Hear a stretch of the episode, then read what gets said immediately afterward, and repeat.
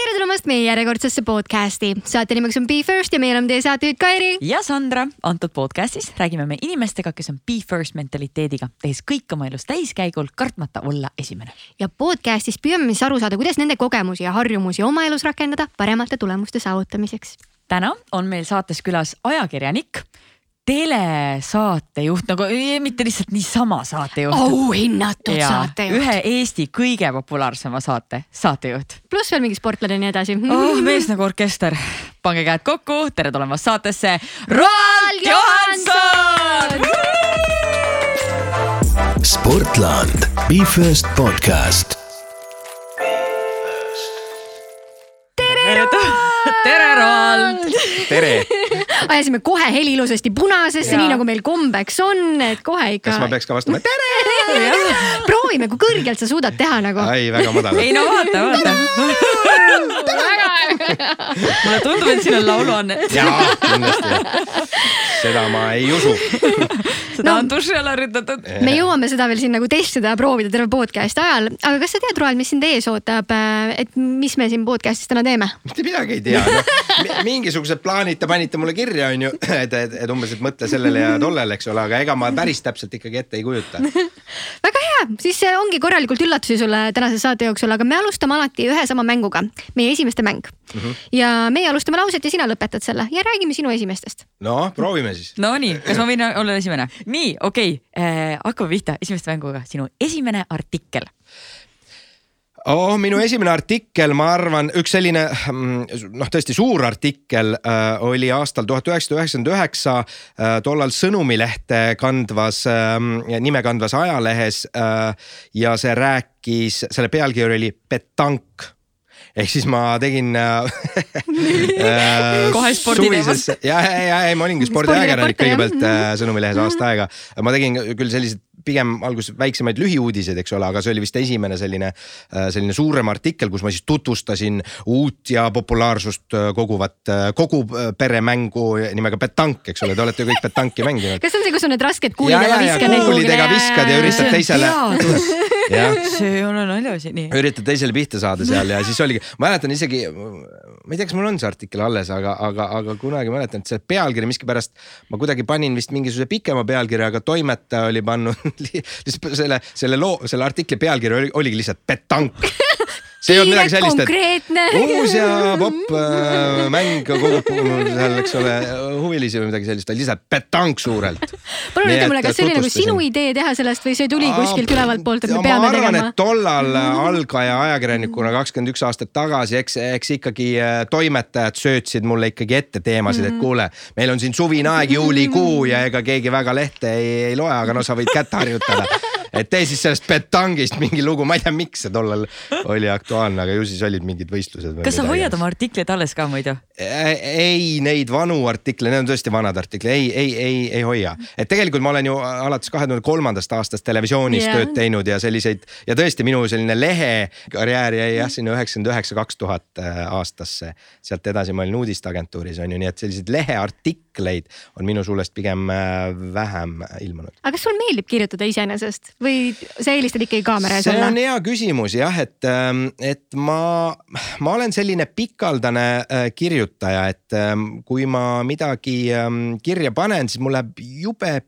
jube palju aega selleks, et seda viimistleda, ma ikkagi loen seda kümme korda, seda ühte lauset läbi kümme korda ja, ja, ja muudan mingit komakohta ja sõnu siia ja sinna, et see oleks kuidagi äh,, kuidagi kuidagi minu jaoks vastuvõetav ja voolav, et, et see lihtsalt võtab nii kaua aega. samas noh, ma olen mõelnud sihukest tuleviku perspektiivi, et, et ega siis ähm, ega ma ju ei tea, kui kaua ma seal televiisori ekraanil pendeldan, et, et võib-olla kunagi peaks mõtlema nagu mingisuguse pikema kirjutise peale, eks ole, aga mingeid veksleid ma välja ei käi oota, aga kas teles ei teki sul samasugust nii-öelda pedantsust, et sa nagu tahad ideaalselt teha ja siis teedki uuesti ja uuesti ja nagu tõstad sõnu ja äh, ja ei ikkagi noh, on, on mm, küll, ma pean ütlema, et, et aastatega ja, ja kogemusega äh, ja võib-olla ka osalt kiirema elukorraldusega natukene äh, see pedantsus on võib-olla tuhmunud, et et, et, et algusaegadel ma kindlasti, eriti võib-olla Pealtnägija esimestel aastatel seal kaks tuhat seitse ja edasi.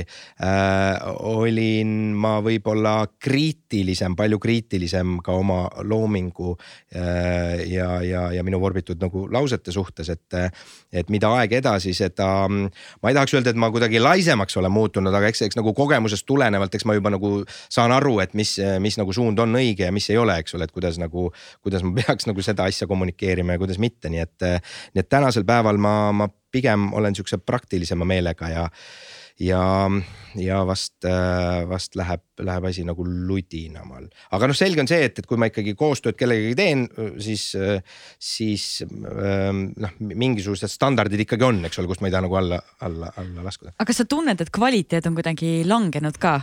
Kui sa oled äh, mis asja, mees korjab auhindu järjest rohkem siin. ei, ma lihtsalt mõtlen nagu, et kui see perfektsuse tase, vaata, kui mulle kohati tundub, et kui perfektsuse tase langeb mm, -hmm. siis kuidagi mingisugune äh, loovus läheb rohkem äh, lahti. et kas sa oled seda ka kuidagi täheldanud, et on siin mingi vahe? Jah, see on hea tähelepanek, ei, ma, ma, ma ei oska öelda kvaliteedi langus, ma loodan, et ei ole väga aga, aga, aga eh, ei, ma ütlen lihtsalt, ma olen kuidagi nagu aru saanud sellest, et noh, ei maksa nagu igas asjas juuksekarva lõhki ajada, et mm. -hmm. et noh, see lõppkokkuvõttes, lõppkokkuvõttes see detail kasvõi seal telesaates, selles teleloos või selles kolmveerandtunnises äh, saates. see, mida mina nagu märkan, eks ole ma olen tihti tähele pannud, et seda, see nii-öelda jutumärkides tavaline televaataja, eks ole, kelle peal ma vahetevahel olen testinud, et vot, mis sa sellest olukorrast arvad, eks ole. siis noh, arvatakse hoopis midagi kolmandat asja, eks ole, mille, et, et, et, et neid selliseid tehnilisi detaile, millele ma, eks ole, viitan, ei pane keegi tähele. et, et selles mõttes ongi, et ma üritan teha noh, nii hästi, kui ma oskan ja, ja, ja tõesti, mida aeg edasi üritan, et mitte teha niimoodi, et mind nagu iga pisiasi ei häiriks. Endal on ka lihtsam, eks ole. ma, ma tõesti loodan, et, et see kvaliteet selle tõttu ei, ei, ei, ei saa kannatada. tegelikult ma arvan, et vaatajale isegi meeldib see rohkem, sest mida rohkem on viimistletud, seda feilim ta tundub, on ju. jah, ja, ja, ja eriti, eriti võib-olla need saated, mis ma siin viimastel aastatel olen teinud, sellised noh, ma ise ütlen teledokumentalistika või reportaažid mm -hmm. on ju Roaldi nädal ja yeah. Roaldi retked, et, et pigem seal ma nagu ka isegi nagu montaažis mõnes mõttes üritame sellist noh, ma ei tea, kas askeetlikku, aga vähe sellist äh, lihtsamat joont äh, ajada, et, äh, et meil, me oleme küll äh, aeg-ajalt, aga pigem harva kasutanud näiteks droonikaadreid. aga, aga noh, minu meelest äh, ei ole see nagu eesmärk omaette, et seda kuidagi ka visuaalselt niivõrd äh,, niivõrd fancy'ks ajada, et, et seda pole mõtet ja seda enam, et kui mul on üldiselt sellised noh, lihtsad, lihtsad lood noh, lihtsad karakterid, eks ole, siis, siis ei ole mõtet ka seda kuidagi äh, montaažis äh, ka nii-öelda pildiliselt, visuaalselt kuidagi seda vahtu üles peksta, on ju. mulle tundub, et sinu fenomen ongi selles või sinu saadete fenomen ongi selles, et sa oled äh, siis sellele inimesele hästi lähedal ja, ja see ongi äge, et sa oled nagu kohe seal täpselt seal kõik see toimub, see, sul on see külaline või mitte nagu külaline, aga see inimene, kellega sa suhtled. et võib-olla see, just see nagu see drooni teema, see viibki nagu kuidagi kaugemale. et see ongi ja, ja no me ilmselt jõuame sellest rääkida, aga me vist alustasime hoopis mingist teisest formaadist ma võtan, ma võtan meie järgmise esimeste küsimuse, mis on väga lihtne. esimene asi, mida sa hommikul teed? no tõusen voodist üles, käin pissil ja, ja lähen teen perele putru üldiselt. mulle meeldib, kui pragmaatilised vastused meesterahvastel alati on nagu aga vähemalt me saame teada, et sinul ei ole sihukest sõltuvust, et sa hommikul esimese asjana haarad telefoni või midagi, et sa oled ikkagi nihuke rahulik ärkaja. ja telefoniga on küll mul küll viimasel ajal see, et ma, magamistoad on teisel korrusel, telefoni ma jätan ööseks esimesele korrusele, et ma ei, ma ei vaata, ma üritan ka niimoodi, et tund aega enne, enne magamaminekut äh, viimasel ajal, äh, et ma telefoni ekraani ei vaata, sinist mm. ekraani, telekat ega telefoni. mul on olnud äh, unehäired suured, sellest me võime rääkida mm., aga, aga ja, ja, ja, ja mistõttu noh, muidugi alla korrusele seda putru äh, tehes ma ikka vaatan, muidugi vaatan, ma vaatan jalgpalli ja korvpalli uudiseid ja, ja niimoodi, jah. aga ikkagi rahulik hommiku ärkamine, mitte nii nagu mina, et hommikul ärkad üles, esimene asi on mis see Messenger teeb? Ah,, okei okay,, kõik hästi, miski ei põle väga. aga ei, see nutisõltuvus on muidugi eraldi suur teema ja ega, ega, ega ma nagu päriselt sellest patust äh, prii ei ole muidugi. Mm, -hmm. jah aga see, et sa juba seda enda jaoks äh, täheldad, et. ma teadvustan seda, me naisega oleme väga palju sellest rääkinud uh -huh. ja, ja, ja me isegi vaatasime siin Netflixis oli, oli just äsja üks äh,. Social Dilemma. täpselt, täpselt ja mm, -hmm. ja mhm. see dok, eks ole, ja, ja siis vaatasime ja, ja noh, põhimõtteliselt otseselt midagi uut polnud, aga no me saime kinnitust oma enda mm. nagu veendumustele. Netflixi dokumentaalid on alati ikkagi väga-väga nagu äärmuslikud selle jaoks, et nad kõlapinda tekitaksid, onju, et, et päris nii hull vast asi ei ole. no loodetavasti tekitab ka järgmine küsimus natuke kõlapinda, sinu esimene ebaõnnestumine ohohoo, minu esimene ebaõnnestumine. ja miskipärast, kui ma mõtlen selle peale, siis, siis mul tuleb meelde üks üks äh, episood ähm, äkki see oli kümnes klass või üheteistkümnes klass, ma ei teagi, kas see on nagu klassikalises mõttes ebaõnnestumine, aga vähemasti selline piinlik äh, moment küll oli oli, äh, oli see, kui mind oli miskipärast, ma ei tea, mis, mis, mis imelikke teid pidi, mind oli valitud kehastama jõuluvana kogu keskkoolile.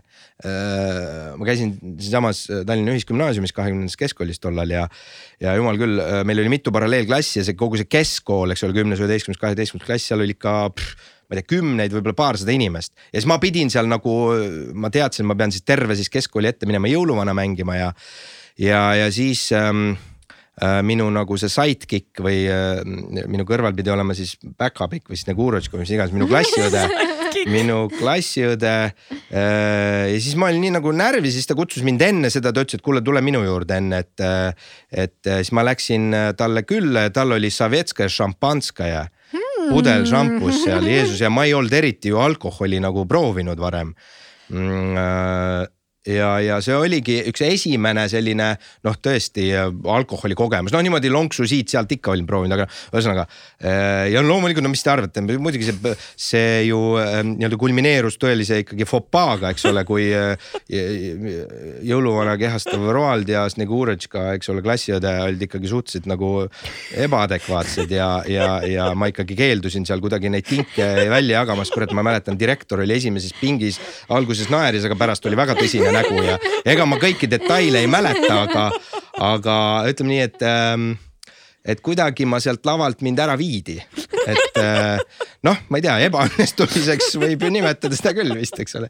aga sellele nagu järgnes mingi karistus ka või? ma ei, ei mingi otseselt, ma arvan, keegi ei teinud sellest väga enam juttu.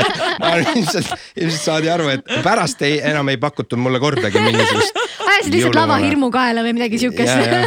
ja, ei, see lavahirm võis olla küll see üks, üks põhjus jah just küll. aga sa ei ole terve elu olnud sihuke esineja karakter et...? ei ole, ei, see on eraldi teema jah, et, ähm, et äh, ma just ükspäev mõtlesin selle peale ka, et see on muidugi on paradoksaalne, et iseenesest ma teen ju sellist teletööd ja, ja, ja siin ja seal esinen, eks ole, aga tegelikult mul on äh,, äh mul ikka siiamaani sihuke pisike nagu hirm just nagu mm, nii-öelda elavate inimeste ees esinemise osas, et, et sellist televisioonikaameraga suhtlust, noh, seda ma olen teinud ja, ja see ütleme ikkagi verest välja ei löö, aga kui sa tead, et sa pead seal noh, Alexela kontserdimaja ees kahe tuhande inimese ees, eks ole esinema või, või midagi seal rääkima, et siis, siis mul vahetevahel võib võtta küll niimoodi põlve värisema. noh, ütleme, et ma olen võtnud endale motoks elus, et, et astu oma hirmudele vastu ja, ja ma olen ka äh, mitmeid tööotsi võtnud äh, vastu just selle nimega, et ma seda natuke nagu praktiseeriks ja, ja astuks sellele hirmule vastu, et, et ma suudan selle ära teha ma suudan selle nagu ära teha, ma arvan, et, et nii-öelda jälle tavavaataja jaoks ma suudan selle adekvaatselt ära teha, eks ole, aga see, mis minu sees toimub, et noh, seda, seda paljud tegelikult ei tea. et, ähm, et üks, üks võib-olla moment, kus ma, kus ma mõistsin või mulle jäi mulje, et, ähm, et teine inimene ei saa minu äh, sellisest ähm, värisevast häälest või kohmetusest päriselt aru, oli umbes põhikooli lõpu inglise keele eksam, suuline eksam siis, kus sa pidid pileti võtma ja seal vastama, eks ole, väikse komisjoni ees. ja ma olin seal no nii närvis, ma küll teadsin kõiki vastuseid inglise keele üle keskmise, eks ole, ma, ma, ma olin selles mõttes enesekindel sisu poolest, aga, aga kuna ma eriti nagu kuidagi ei julgenud võib-olla seal nagu inimeste ees nagu päriselt olla või, või vastata, siis, siis ma tundsin, kuidas mul ikkagi nagu, nagu hääl värises ja ma olin ikkagi nagu väga-väga kohmetu. ja siis pärast õpetaja ütles, et äh, ta pani mulle nelja, ma sain selle nelja, ma lootsin viite saada, eks ole, aga ta pani mulle nelja selle põhjendusega, et, et kuna sa tundsid ennast seal liiga mm, vabalt ja, ja lõdvalt ja, ja niimoodi, eks ole, et siis, äh, siis me panime sulle nelja et mis, mis mõttes vabalt, ma olin täiesti krampis, täiesti nagu suremise äärel, higipull otsa ees, eks ole, hääl värises, mis mõttes ma vaba olin. et noh, siis ma kuidagi nagu mõistsin, et kas sa tõesti nagu ei saanud aru sellest või et no näed, ma olen suutnud inimesed, mõned inimesed ära petta, eks ole, et. ma arvan, väga paljud inimesed selles mõttes, aga hea teada, et sa oled ka inimene. Jah. aga sa ütlesid, et sa kaamera ees tunned ennast mugavalt, et mis su esimene filmimine oli? Ähm, noh, sa mõtled sellised amatöör koduvideod kõrvale jättes, eks ole no ma ei tea, kui sul seal mõni hea pärl on, võid sellest ka rääkida. ei, ma mäletan, minu esimene noh, sihuke päris ikkagi ähm, äh, teletöö klipp oli Aktuaalses Kaameras äh, kaks tuhat kolm aastal ähm,. esimene lugu rääkis sellest, kuidas äh, Juku-Kalle Raid ostis vist soomlastelt tagasi äh, tegelikkuse Kes kus äh, ajalehe, et see vahepeal läks äh, vist soomlastele müüdi, siis ta ostis selle tagasi ja. ja, ja see oli tõesti esimene lugu, esimene uudislugu, kus ma tõesti oma häälega nii-öelda lugesin seda lugu sisse ja tegin ise intervjuusid äh, kaamera ees ja, ja see see äh, siis nägi välja sedamoodi, et ma siis noh, Juku-Kallele helistasin ja leppisime kokku ja tegin siis tä kuskil tänaval äh, esimese intervjuu ära, eks ole. Ja siis läksin sinna telemajja, hakkasin seda intervjuud nagu läbi vaatama ja siis puh, lõin endale otsa, et kurat, ma ei küsinud ju seda ja teist küsimust, et mingi kaks küsimust jäi küsimata, mingid olulised küsimused.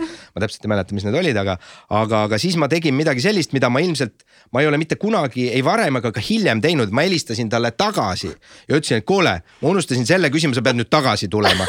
ja siis ta tuli umbes kaks tundi hiljem, siis tuli telemajja tagasi täiesti teises lokatsioonis ja tegin uuesti temaga intervjuu, ma tegin ühe päeva jooksul temaga kaks intervjuud, sest ma olin noh, täiesti noor ja roheline, minu esimene lugu, ma ei teadnud, eks ole täpselt, et kas see on nagu vajalik äh, või ei ole. et ega ma tol hetkel ei osanud neid nii-öelda uudiste äh, terasid sõkaldest eraldada, et, et eks see kõik tuli pärast äh, kogemusega ja nii. aga see, see oli esimene lugu. see perfektsionism siis vist toitis, on ju? nojah, ma ei tea, see, see võib-olla ei olnud tollal perfektsionism, vaid see oli pigem hirm läbikukkumise ees, et, et kuule, ma ei küsinud seda asja, et kas ma, kas ma oleks pidanud, eks ole. no aga lõppkokkuvõttes noh, ei küsinud, siis, siis oleks saanud selle info ikkagi anda ju oma taustatekstiga ilmselt edasi, on ju. uudisklipi lõik on mingi poolteist või kaks minutit, et noh, oleks saanud ka ilma selleta ära teha, aga kuidagi ma ütlen, see, see sihuke nagu äh, põnevus või ärevus oli sees nii suur, et ma mõtlesin, ma ikkagi pean need küsimused ära küsima. no kuule, siis järgmine küsimus klapib väga hästi sellega, mis oli su esimene hirm mm.? esimene hirm, aga ma arvan, ma jõuan jälle sinna sellise ähm,, sellise publiku äh, juurde, et äh, ma arvan, et esimene koolipäev ähm, äh, ja esimene, esimene september sealsamas koolis jälle, et, et, et ma arvan, et sellised rahvarohked kohad et, et need on tekitanud minus ikkagi alati sellist stressi, ärevust, see, see kestab tänase päevani. ähm, ja, ja ega ma ütlen ausalt, et ega ma ei äh, ei naudi väga suures seltskonnas olemist, suurtel glamuuriüritustel ma ikkagi pigem, pigem üritan mitte käia ja, ja, ja, ja pigem kuidagi niimoodi väiksemas seltskonnas või, või, või teinekord omaette, et et ma arvan, see esimene koolipäev oli ikkagi suur hirm, see kuidagi nagu noh, eks, eks see ju kuidagi see, see ootuse lumepall ju veeres juba mitu kuud varem, eks ole, ma ikkagi nagu teadsin, et ma lähen kooli ja see on suur samm edasi, ega siis ema ja isa ja vanaema ja kõik ju nagu tagusid seda rauda ka ja siis väikesel poisil kuidagi ikkagi nagu nagu kees ikkagi võib-olla veits üle ja ei midagi olulist, olulist ei juhtunud, aga, aga, aga ma arvan, et see hirm on seotud kuidagi selliste rahvarohkete kohtadega. oota, aga kui sa teed salvest, kui sa salvestad saadet, kas sa nagu reaalselt mõtled selle peale, et sada, sada, sajad tuhanded inimesed vaatavad sind. ei mõtle, ei mõtle, vaata, see ongi see, see ongi see kogemus on ju, et ma ütlengi, et kui ma kaameraga suhtlen, et siis, siis ma noh noh, enam, enam ei mõtle, võib-olla algusaegadel oli rohkem see kramp sees muidugi, muidugi oli kindlasti. aga, aga ei tänasel hetkel ei mõtle, vaid ma, no, ma üritan noh, olla see, kes ma olen seal, eks ole, nii, nii loomulik kui, kui võimalik ja, ja muidugi teinekord lähevad sõnad sassi ja nii, aga, aga ma ei ütleks, et sellepärast, et just, et, et ma tean, et seal teisel pool ekraani on, on nii mitu inimest. kusjuures enne kui me läheme viimase küsimuse juurde, siis mu arust see on nii äge, et sa päriselt oledki see, kes sa oled, sest et vaata, vahetevahel on see, et kui on saatejuht, ta läheb, mängib ikkagi mingit rolli. Yeah.. et kui ma vaatan sind saates ja ma vaatan sind praegu ja näiteks enne seda, kui kaamerad ei käinud veel ja mikrofonid ei olnud sees, siis sa oled kogu aeg täpselt see üks ja sama inimene. Yeah.. see on nii äge. no tore, kui sa, kui ma olen sind suutnud ära petta. Et ähm, eks noh, noh ütleme, kui väga tõsiselt rääkida, siis ega, eks mul ikkagi selline mingi kerge esinemise nupp on ka sees, on ju, et ega ma ju niimoodi kogu aeg kodus ringi ei käi suu naerul ja, ja jah, et ma väga hindan tegelikult ka sellist vaikust ja, ja, ja rahu, et, et mõnes mõttes ma oma sellise sotsiaalse ähm,. Ähm, sotsiaalse suhtluse ma saan rahuldatud, eks ole, seal telekaamera ees ja, ja, ja, ja seetõttu võib-olla äh, Äh, noh, mõned sotsiaalsed suhted nii-öelda tavaelus on jäänud nagu tahaplaanile, millest on nagu kahju, on ju, aga, aga noh, jah, ei selles mõttes on, on õigus, et ma üritan ikkagi nagu enam-vähem sama joont hoida. et, et mitte olla siis nagu päris, päris nagu diametraalselt teine, teine. kas sul on kunagi tekkinud ka nagu ma lihtsalt võib-olla küsin oma kogemusest, et, et ma, ma saan aru, et vaata mingil hetkel sa oled üks inimene, siis teisel hetkel sa oled teine, et kas sul on tekkinud sellist nagu dilemmat enda peas, et kumb ma siis nagu tegelikult olen, et kumba kumba rolli ma rohkem mängin või et, või et see ongi okei okay,, et sus ongi mingi kuus, ma ei tea, kuus erinevat inimest.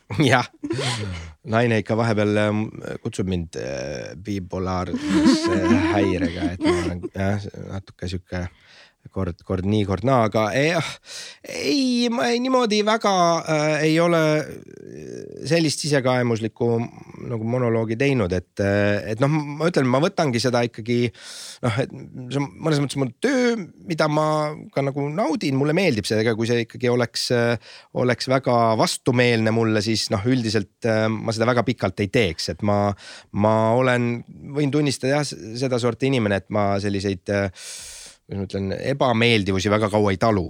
et, et ma võin, noh, mu see piir on suhteliselt äh, õrn, süütenöör võib-olla ka lühike, et et kui mulle ikkagi midagi nagu ei meeldi, eks ole, väga pikalt, siis ma noh, mingi oleneb situatsioonist, ma mingi hetke kannatan, aga, aga üldiselt ma ikkagi nagu tõmban sellele siis joone alla, üritan seda teha, teha äh, kui vähegi võimalik ikkagi nagu viisakalt, eks ole, et et mitte, mitte uksi paugutades kuskilt äh, lahkuda, aga, aga ei, see töö, mida ma teen, ma ikkagi äh, naudin seda, mulle, mulle meeldib mulle meeldib selline antropoloogiline lähenemine inimeste, inimeste eludesse ja, ja, ja seetõttu noh, ma ikkagi ma ütlen, ma enda jaoks olen, olen ikkagi mõtestanud selle lahti nii, et ma, ma üritan seda teha nii, et ma, et ma ei ole täiesti teistsugune inimene et mistõttu mul ka neid sisemisi dilemmasid võib-olla nii väga ei ole, et kas ma olen see või teine, et eks, eks ma olengi. ma arvan, minus on väga mitu tahku, rohkem kui need kaks tahku, et, et minus võib olla see empaatiavõimeline sotsiaalajakirjanik, kes teenib oma Roaldi nädala eest, eks ole, erinevaid auhindu. aga teisipidi ma võin olla ka väga impulsiivne ja kergesti ärrituv äh,,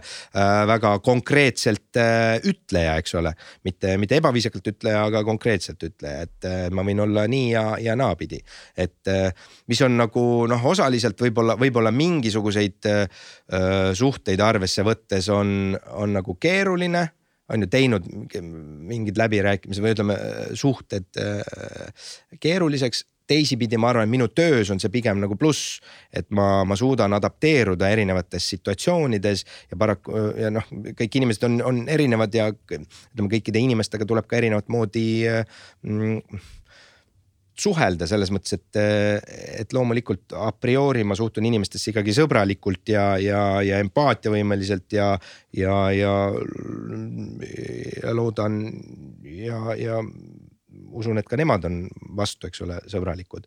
aga kui mõni inimene ei ole sõbralik eh, mingil põhjusel, siis, eh, siis noh, ma võin ka olla öö, mitte nii sõbralik. nii, aga me olemegi jõudnud meie esimeste mängu kõige viimase küsimuseni ah, ehk no, siis esimene eeskuju. esimene eeskuju, ohoh ma olen alati suur spordi ja filmisõber olnud. Äh, ma mäletan, et lapsepõlves mul oli äh, Pele raamat, Brasiilia vutilegend ja mm, -hmm. ja ma seda Pele raamatut ikka, ikka lappasin läbi mitmeid kordi ja vaatasin neid statistikaid, kuidas ta kunagi viiekümnendatel, kuuekümnendatel, kus Brasiilia koondis on Argentiinaga mänginud. kõige suuremate vihamaenlastega ja nii edasi, et, et ma arvan kindlasti jalkamaastikult nii-öelda Pele, kes, keda ma küll ise ähm, äh, lihtsalt äh, oma vanusest tulenevalt ei ole mängimas näinud äh,. aga, aga, aga ja ma ei tea, filmimaailmast, no eks, eks seal on palju erinevaid äh,. musketäride sari nõukogude ajal äh, mulle väga meeldis, ise tegin äh, puuokstest mõõki ja, ja, ja mulle väga meeldis äh, muidugi D'Artagnan Mihhail Bojarski esitluses, aga, aga ka mulle meeldis Ara, Aramis Aramis, kuidas seda öeldakse, et mm. -hmm. äh, Igor Starõgin, Igor Starõgin oli see näitleja, kes teda mängis, nii et äh, ma arvan, Musketärid ja Pele eeskujud päris hea kombo. ma pean ütlema, et mitte keegi ei ole kohe, kohe kindlasti siukest nagu eeskujude portfooliot meile toonud mulle Aramis. Aramis meeldis sellepärast, et, et ta oli äh, niivõrd äh, filigraanne, eks ole, mitte ainult filigraanne mõõgavõitleja, vaid ta ka oskas äh, sellises mõnusas falsetis äh, laulda, tal oli tõesti kõrge hääl ja, ja miskipärast see mind paelus. pärast hiljem mulle meeldis ka Jaak Joala, võib-olla ka seetõttu, eks ole äh, filmis Teisikud ja no ühesõnaga mul, eks mul selliseid eeskujusid ja, ja, ja on, on, on palju olnud, hiljem Gunnar Graps ja nii edasi, et jah. aga see ongi vist niimoodi, et igas eluetapis on ikkagi Jaa. keegi uus on ju, et vastavalt sellele, mis. jah, jah. nii, aga meie esimeste mäng ongi ühele poole jõudnud, jah, uskumatu. mis tähendab seda, et me hakkame rääkima nüüd sinu tööst. no ei, nagu Eesti inimestel ikka kombeks, ega me ei, mind muu ei huvita, et ikkagi, mida sa teed ja kuidas sa ikkagi leiva lauale tood. jah, minu jaoks oli hästi huvitav see, et äh, sa ei ole tegelikult õppinud ajakirjandust mm. -hmm. kuidas on võimalik üldse, et sa sattusid ajakirjandusse, see tundub nii keeruline koht, kuhu üldse löögile pääseda. oh, ma olen seda muidugi tuhat korda rääkinud ka, aga. Aga meie kuulajatele ja, mitte. ja, ja ei, see muidugi, see on äh, arusaadav um,. ma arvan, et ei pea olema ilmtingimata akadeemilise haridusega, et ajakirjandust teha, et ma arvan, et palju palju tähtsam on selline lai silmaring ja, ja, ja huvi võib-olla äh, maailma ja, ja ühiskonnas toimuva vastu, et äh, aga puht praktiliselt, kuidas ma sattusin, minu klassivend keskkooli ajast, Tarmo Paju on, on olnud selles mõttes minu, minu algsel äh, ajakirjandusse sattumise teel väga suur mõjutaja olnud ja, ja, ja tema oli äh, kutt, kes tuli, ma mäletan Arukülast meie, meie keskkooli äh, kümnendasse klassi ja, ja mind paelus juba tollal tema selline sihikindlus, et ta teadis juba kümnendas klassis, et vot tema tahab saada spordiajakirjanikuks. väga selge äh, stiimul mina, mul ei olnud õrna aimugi, aimugi, kelleks mina tahan saada kümnendas klassis, mul olid mingid mõtted, et siia ja sinnapoole, aga, aga täpselt ma ei teadnud.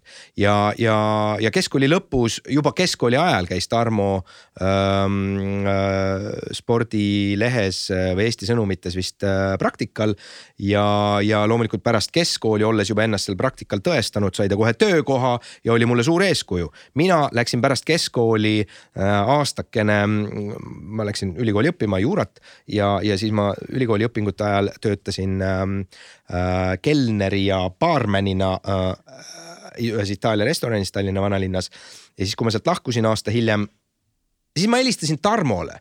Ütlesin, kuule Tarmo, ma olen nüüd äh, töötu, et äh, võta mind tööle ja, ja noh, kuna me mõlemad noh, spordisõber ma olen alati olnud ja me juba keskkooli ajal arutasime kõiksugused NBA ja, ja jalka teemasid ja, ja ta teadis, et ma olen suur äh, spordihuviline ja mistõttu noh, võib-olla see spordiajakirjandus ja sporditoimetus noh, oli õige koht, eks ole, kus ma, kus ma nii-öelda esimesed tuleristsed sain ja ja, ja, ja Tarmo ütles muidugi tule, noh ja siis ma läksin ja, ja.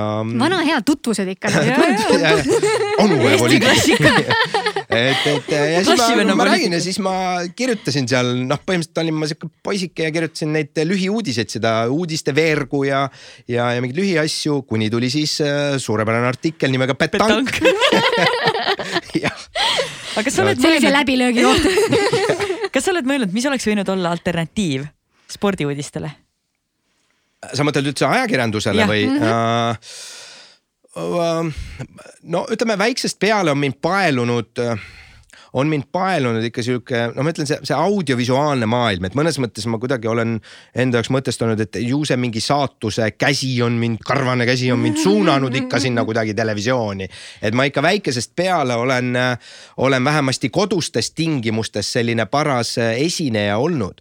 et, et mingi aeg ma joonistasin endale vuntsid ette ja tahtsin olla nagu Freddie Mercury ja laulsin Queen'i laule, eks ole. Laulsid? ja noh, laul, noh laulsin, laul, laulsin on muidugi palju öelda, aga üritasin jah um,. või siis jah, Jaak Joala, nagu ma ütlesin, oli eeskuju, siis oli Gunnar Graps, et, et selline võib-olla esinemisgeen on, on ikkagi lapsepõlvest saadik mul sees olnud ja, ja ja ma just täna arutasin äh, oma, oma kalli naisega, eks ole, kui me äh, rääkisime nii-öelda oma, oma laste võib-olla tuleviku teemadel, et, et, et ka seda, et tõesti, et kui, kui ma oleks võib-olla varem ähm, käinud mingis, ma ei tea, näiteringis või kuskil, kus oleks sellised avatud äh, äh, kreatiivsed inimesed mu ümber olnud ja kes oleks kasvatanud äh, me- minu sellist äh, esinemiskartust, eks ole, või, või, või mind kuidagi sellest rohkem nagu välja tõmmanud juba varases nooruses, siis ei ole välistatud, et ma oleks pärast keskkooli läinud näiteks lavakasse proovima.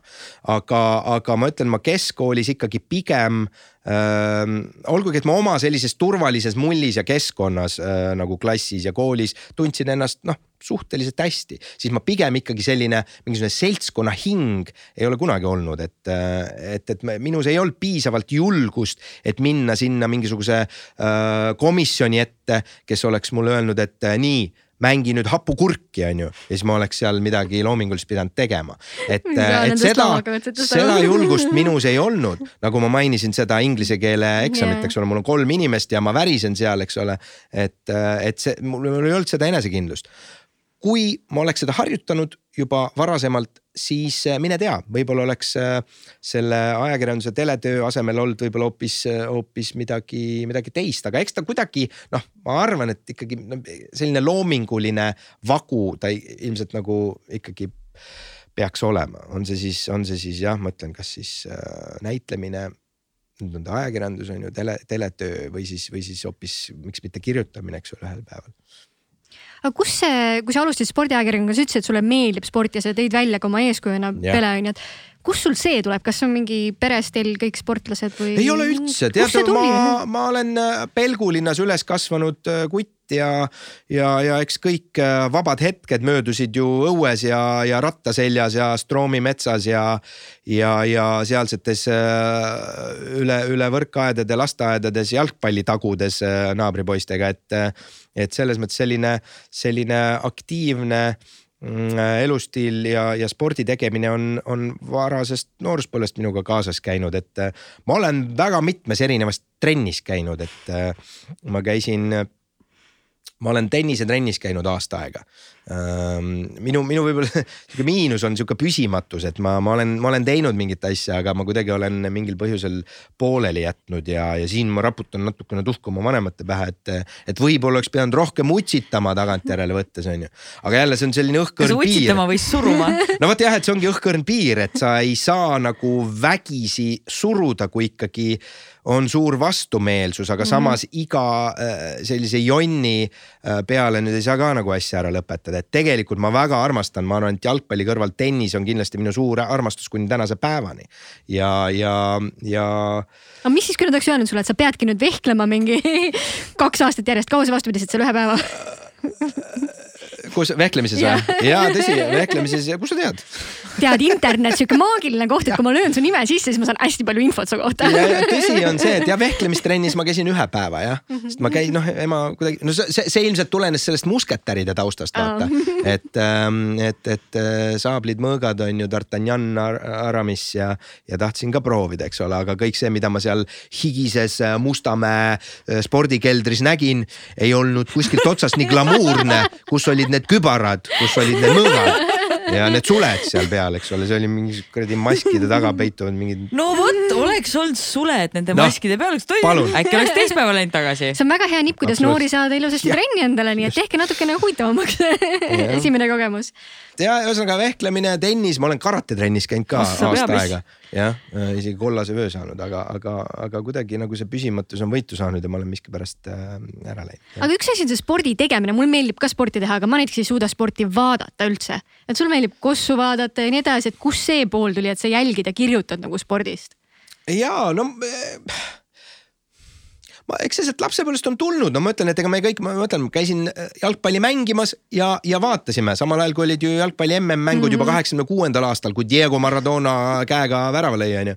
mis siis..., mis aju see on, kust need aastad ja numbrid ja asjad tulevad? no jalgpalli MM ikka tead ju, Diego Maradona, jumala käsi et äh, see on märgiline hetk äh, jalgpalli ja spordi ajaloos, et äh, aga, aga muidugi ma olen aastate jooksul nii ütleme, selline kirglik tugitoolisportlane kui ise, ise teinud, et viimastel aastatel paraku küll vähem, aga, aga, aga teinud ise vähem. Ja muidugi ka vaadanud vähem, et ma vaatan üldse viimasel ajal televiisorit äh, vähem äh, seoses sellega, ma kodus ei taha väga televiisorit vaadata. aga, aga, aga ja ei, see on lapsepõlvest saadik minuga kaasas käinud aga kui me siia televiisori juurde juba jõudsime, siis äh, peale spordiajakirjaniku karjääri jõudsid sa ETV-sse ja e e enne oli veel väike vaheetapp, oli uudisteagentuur ETA. et siis jah, sealt ajalehest ma läksin, ma olin kohtureporter poolteist aastat uudisteagentuuris. ehk siis, ehk siis see läks nüüd konkreetselt õpituga kokku kokku, et mm -hmm. ma mhm. samal ajal õppisin õigusteadust ja, ja siis veetsin hommikut sisuliselt äh, siinsamas kõrval Liivalaia mm, kunagises kohtumajas äh, tollases Tallinna linnakohtus ja kuulasin siis kriminaalprotsesse, kuidas kuidas äh, keskturu lihunik oma naise ära tükeldas ja kanalisatsiooni turust alla laskis. ei ole Eestis siukseid asju. päriselt oli kakskümmend aastat tagasi. mis on kõige hullemad asjad, mida sa kuulnud oled? ma elan seal kõrval kuskil. Ma arvan, et see oligi, no see oli selline nii meeldejääv lugu, see oli kunagi. see vist ei lähe hästi meelest ära jah? Äh, kaheksateist aastat tagasi oli väga aktuaalne, iga nädal tuli ikka midagi kirjutada, kuidas Vitali või mis ta nimi oli, kuidas ta jälle midagi tegi seal ja, nii aga.... oota, aga kuidas see välja nägi, sa istusid seal nendel äh, kuulmistel ja? ja, jah, kohtuprotsessidel ja kirjutasid üles, eks ole, et näed, mis, mis seisus see äh, protsess on, eks ole, ja, ja siis kirjutasin, et näed tänasel istungil, tänane istung lükati edasi, väga tihti tuli kirjutada, tänane istung lükati edasi äh,, ma ei tea, advokaadi haiguse tõttu äh, või midagi sellist, see oligi uudis, noh, sest uudisteagentuur tootis ju noh, kõigest uudiseid yeah., eks ole, ja, ja, ja uudisteagentuuri äh, toodangut kasutasid siis äh, suuremad ajalehed ja nii edasi. Et, ähm, et see oli poolteist aastat osa minu elust, elasin põhimõtteliselt kohtumajas ja intervjueerisin äh, advokaate ja, ja, ja, ja mm, kohtunikke jah vähem, aga, aga ja, ja siis jah nii-öelda portreteerisin seda elu. Ja siis tuli Eesti Televisioon aga ma tulen korra tagasi selle e-, e-, ETA juurde, et e, kas sa said sinna sellepärast, et sa õppisid juurat või sellepärast, et sul oli mingi huvi? onupoja poliitika kes see tuttav seekord oli yeah., nii, nii. ei, aga kusjuures see on täitsa põnev niimoodi, et kui, kui hakata analüüsima, kuidas, kuidas see nagu liikumine ühest kohast teise on olnud, siis kõik on ikkagi soovituse baasil, ma ei ole mitte ühtegi CV-d mitte kuhugi saatnud, okei okay, väikese märkega või võib-olla ühte kohta olen mm, -hmm. aga, aga põhimõtteliselt äh, soovitused ehk siis ehk et äh, ma ütlen, klassivenna Tarmo kaudu ma sain ajalehte, ajalehes ma tutvusin äh, erinevate kolleegidega, seal oli kolleeg nimega Manona Paris oli, ei, täna on Manona Paris, tollal oli ta Manona Viisnapuu. hea kolleeg, kes äh, läks pärast Sõnumilehte ETAsse tööle. Manona teadis, et ma õpin ähm, juurat ja kutsus mind ETAsse. ETAs ma tutvusin Epp Ehandiga, äh, kes oli alles hiljuti Eesti Televisiooni Brüsseli korrespondent, eks ole. Epp Äh, pärast seda, kui ETA lagunes laiali, läks äh, tööle Aktuaalsesse Kaamerasse, sest tema oli Tartu Ülikooli ajakirjandusharidusega, eks ole, tema sai sinna tööle mm -hmm. ja tema omakorda soovitas mind siis peatoimetaja Andres Kuusele, kes siis kutsus mind siis äh, proovitööle ja siis ma tegin selle Juku-Kalle Raidi loo. ma kaks, kaks korda päevas ühte meest intervjueerisin ja, ja siis ma sinna sain, tõestasin ennast selle ühe looga ja tegin veel midagi seal ja, ja kuidagi sobis ja, ja siis sealt edasi läks äh,, läks veerema jah. Roald, sa oled kõndiv CV. sul ei olegi vaja pabereid. jah, jah äh,, no kuidagi jah, noh on läinud niimoodi, noh ju siis on pidanud minema ja üldiselt äh, no ma olen olnud äh, äh, üks hetk ma olin teelahkmel, äh, ma olin teelahkmel pärast äh, Aktuaalsest Kaamerast uudistesaatest lahkumist. Äh, ma neli aastat olin siis neid uudiseid, teleuudiseid vorpinud ja, ja jällegi ma jõudsin sellisesse, oma karjääris mitu korda ma olen jõudnud sellisesse etappi, kus ma tunnen, et, et ma olen nagu selles ähm, selles toimetuses nagu kõik ära teinud, mida ma olen tahtnud teha ja ma olen tundnud, et sellist võib-olla arenguruumi võib-olla seal väga palju enam ei ole, mis on võib-olla osalt tõsi, osalt võib-olla ei ole.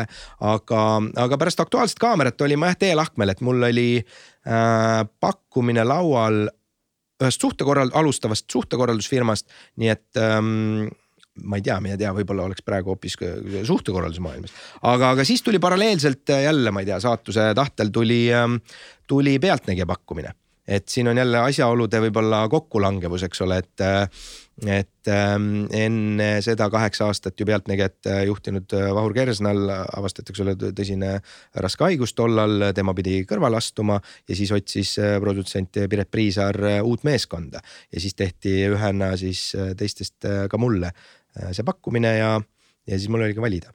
aga, aga miks siis Pealtnägija? noh, kurat, eks ta ikkagi ju kõrvust tõstab sind küll, eks ole, kui, kui ikkagi äh, noh, nii tollal kui tänase päevani ikkagi üks Eesti populaarseim telesaade pöörab pilgu äh, sinu suunas, eks ole, sa oled teinud neli aastat uudiseid ja, ja oled jäänud silma kellelegi. et, et see oli lihtsalt selline pakkumine, millest noh, ei saanud ära öelda too hetk, et, et see neli aastat televisioonis uudiseid tehes noh tundsin, et, et ma, ma ei ole ikkagi nagu ütleme, viimast sõna veel öelnud, et selles mõttes võiks proovida midagi muud. ja kuidagi ma ütlen, et on läinud loogilist rada pidi kasvõi, kasvõi neid formaate analüüsides, et ma alustasin pooleteise kuni kaheminutilisest uudisklipist siis ma liikusin järgmiseks kaheksaks aastaks Pealtnägijasse, kus ma tegin noh, viieteist või, või kahekümne minutilisi lugusid. ja siis liikusin nüüd viimased neli-viis aastat olen teinud selliseid kolmveerandtunniseid äh, dokumentaalsaateid. et kuidagi niimoodi olen edasi liikunud jah. mis sa arvad, miks sind kutsuti Pealtnägijasse? pealtnägijasse um,. Uh, oh. ja mitte, nüüd ei ole nagu enam see, et aa, keegi teadis kedagi, aga sul pidid ja. olema mingid omadused ma Miks üritasin ka, ega, ega eks ma üritasin seal ka, kui ma, kui ma võib-olla sellisest esimese aasta või no esimeste kuude sellisest võib-olla krambist Äh, nagu üle sain, siis ma üritasin ka nendele lugudele kreatiivselt läheneda, et, äh, et ma üritasin, ma olen alati üritanud ka sellist nagu oma joont ajada, et. Äh, et eks noh, mingisugune šabloon on, on ju ka seal uudistes ja muidugi hiljem Pealtnägijas, et kuidas sa seda lugu üles ehitad. aga, aga ma üritasin ka seal ikkagi sellist noh, inimlikku lähenemist kuidagi, kuidagi tuua ka sellesse uudistesaatesse, ma mäletan tollal, et.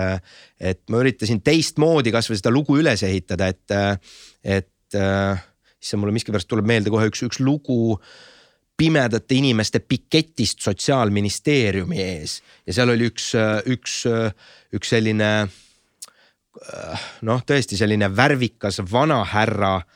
mis ta nimi oli, ma ei mäleta, ta oli noh, pime mees, eks ole, vanem meesterahvas ja, ja, ja tal oli mingisugune väga, väga äge ahah, hüüdnimi Must kapten ja, ja, ja siis ma, siis ma, ma ei, vaatasin sealt suurest inimeste massist, eks ole, leidsin üles selle tüübi ja, ja, ja ka uudistesaates ma üritasin neid lugusid üles, üles ehitada, ma ütlen läbi, läbi selle inimliku perspektiivi, ehk siis ma võtan selle ühe tegelase ja, ja, ja läbi tema siis nii-öelda seda, seda antud juhul siis pimedate piketti avada, eks ole, et mis, mis on siis tema nii-öelda agenda, miks ta siia on tulnud, eks ole, mida nad nõuavad, mida nad tahavad. aga ma alustasin siis sellest, et näed, see on must kapten ja nagu must kapten ütleb, et saksa tšekistid kunagi sõja ajal tegid püksi, kui nad kuulsid tema nime Must kapten. ma mäletan, ma ütlesin mingi sellise lause seal, äh, seal saates, sest see Must kapten, mis iganes ta tsiviilnimi oli, äh, mulle seda juttu rääkis ja eks need olidki võib-olla, võib-olla natukene sellised kastist väljapoole lood, on ju, et. Ähm, kas sa näed? eks see, eks see äh, nagu tõmbas pilku, ma arvan kas sa näed, et äh, mingid asjad, mida sina implementeerisid seal, on jäänud siiamaani sinna püsima ka või siis, kui sa lahkusid, siis need tulid koos sinuga? oh ei, ma ei nüüd ei, ei arva, et ma nüüd äh, nii suure jälje oleks Aktuaalsega viiekümne aastasese äh, ajalooga Eesti kõige ägedam uudistesaate ajalukku olen jätnud, ma ikkagi noh, ma olin neli aastat seal, ega tegelikult see on vaid piisk meres, et et ähm, aga ei, selles mõttes, et igal, igal toimetajal on ju oma, oma pilk, mulle väga meeldib näiteks ega Vahur Lauri äh, keda kutsutakse kauboiks, sest ta kannab kauboi äh, riideid ja kaabusid. temal on selline alati selline alati oma, oma lähenemine lugudele olnud ja teemadele, et, et mulle, mulle tema lähenemine on alati meeldinud ja ja, ja kindlasti on, on, on palju teisi ägedaid tegijaid ka, aga ei, ma ei saa nüüd öelda kuidagi niimoodi, et ja vot nüüd ma näen, kuidas nad kõik umbes kasutavad sama, sama taktikat ja sama skeemi, et mina tõin selle uue epohhi aktuaalse kaamerasõja, ei no kindlasti mitte, et äh, ma ütlen, et ma, ma, ma, ma olen üritanud alati oma, oma töökarjääris, telekarjääris äh,. mis on kõige tähtsam moto tegelikult üldse on see, et äh,, et kuula ja vaata et ma ei ole kunagi läinud äh, niimoodi ühtegi äh, seltskonda ja toimetusse, et ma löön jalaga ukse lahti ja öelnud, et siin ma olen. Ükstapuha, kui kogenud äh, ja kui, kui hea pagasiga ma ka olen, kasvõi siiamaani ma ei, ma ei lähe niimoodi, et ma, ma pigem äh, tutvun olukorraga, äh, kuulan noh, targemaid ja elukogenumaid ja töökogenumaid inimesi, vaatan, kuidas teised teevad ja, ja tihtilugu äh, õpin ka teistelt seda, kuidas äh, võib-olla pigem mitte kuidas teha, vaid pigem kuidas mitte teha. et ma, ma, ma pigem alati üritan inimesi kuulata ja, ja kõrva taha panna. pigem olen selles kuulaja rollis kui äh, mögiseja rollis, et, et pigem ka koosolekutel ma ei ole selline suur, ma ütlen, seltskonna hing, kes astub välja ja, ja, ja tulistab puusalt kümme teemat, vaid äh, ma räägin siis, kui teised on rääkinud ja räägin siis loodetavasti seda, mis on, mis on oluline ja, ja üritan fokusseerida siis mingisugusele teemale, mis, mis mind paelub too hetk. aga millest selline valik? milline? see, et sa niimoodi teed see, et ma nii, et ma kuulan inimesi või, või vanemaid kolleege, mina ei tea, millest. Võib-olla mu vanaema on seda mulle õpetanud, mul on äh, tore vanaema ja, ja, ja mitu vanatädi olnud oma elus, nii et ma olen vanemate prouade keskel palju aega veetnud ja, ja, ja igal, igal proual on alati oma, oma mõttetera, mida, mida öelda, aga noh, üks on põhiline, et äh, äh, laps räägib siis, kui kana pissib, ei ei, ühesõnaga tuleb kuulata ja, ja, ja kõrva taha panna, eks ole, et ähm, ma just mõtlen, et kas on äkki olnud, kas juhtus mingi, kas, kas midagi juhtus et sa hakkasid niimoodi ei, tegema või? ei midagi otseselt ei ole juhtunud, noh, ma, ma arvan, et ega, ega lõpuks, kui hakata, ma ei tea äh, kui mõni psühholoog peaks seda võib-olla analüüsima, siis võib-olla on see jälle, see läheb nagu sinna, sinna võib-olla mingisuguse hirmu äh, kategooriasse, et ega ma, ma, ma ei ole nii enesekindel, et, et lennata kohe peale ja hakata, hakata taguma seda mingit oma agendat, et. et pigem ongi, ma kuulan ja kui mulle tundub, et ahah, nüüd on mugav situatsioon, eks ole, ma nagu valdan seda teemat, ma nagu näen, et okei okay,, et enam-vähem kaardistan enda jaoks need äh, karakterid ära, eks ole, kellega ma seal ühes ruumis olen, et siis ma, siis ma vastavalt vastavalt situatsioonile tunnen ennast mugavalt või vähem mugavalt või rohkem mugavalt, eks ole, et. et, ähm, et eks ta kogemuse põhiselt on tulnud.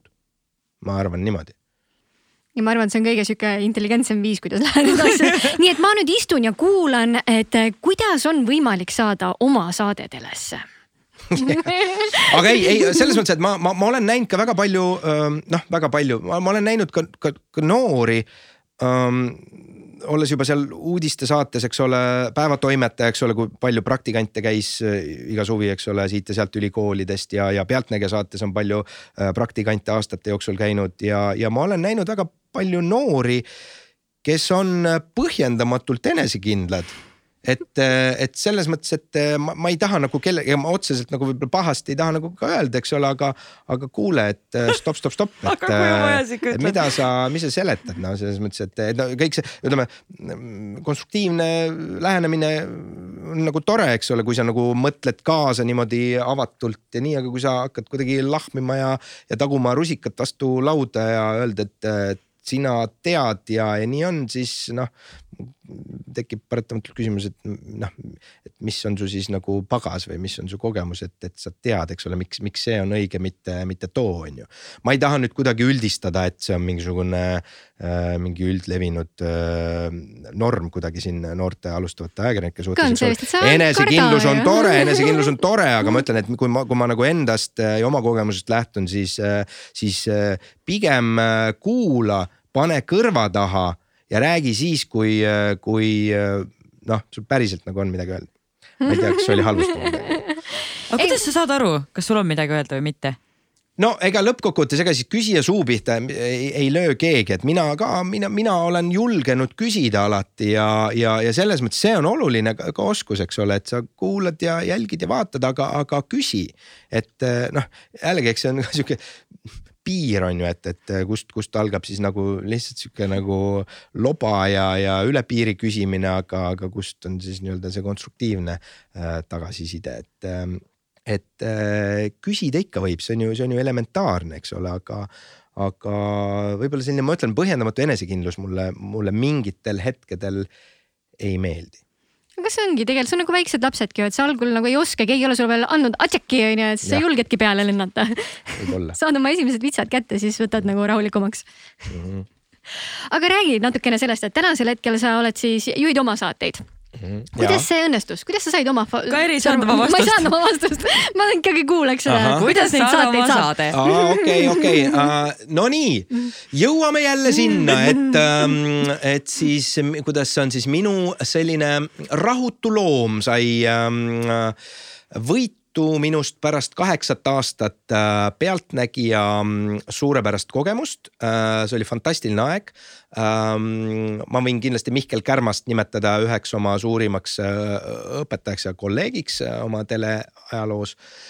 Ähm, aga jällegi noh kaheksa aastat on pikk aeg ühele loomingulise inimesele, ühele loomingulisele inimesele ühte ja sama asja teha, et, et me võime ju siin jah analüüsida, et mida ka paljud siis nii-öelda sõbrad-tuttavad on öelnud, et no mis sul viga, eks ole, no nii rutiinivaba töö ja iga nädal erinev lugu ja erinev, erinevad inimesed, kellega suhelda ja eks ta tõsi on, aga noh, lõppkokkuvõttes eks äh, eks see selline retsept või šabloon ikkagi, kuidas seda lugu üles ehitad, on ikka sarnane, eriti sellises saates nagu Pealtnägija, kus, kus ikkagi väga tuntavalt on, on ka tänase päevani ikkagi igas loos sellist Mihkel Kärmase käekirja. olgugi, et noh, minul olid ikkagi noh, enam-vähem vabad käed ja ma üritasin teha nii nagu, nii nagu mina äh, heaks pean, aga, aga eks seal ikkagi sellist äh,, sellist ähm, äh, Mihkli stiili on tunda ähm,.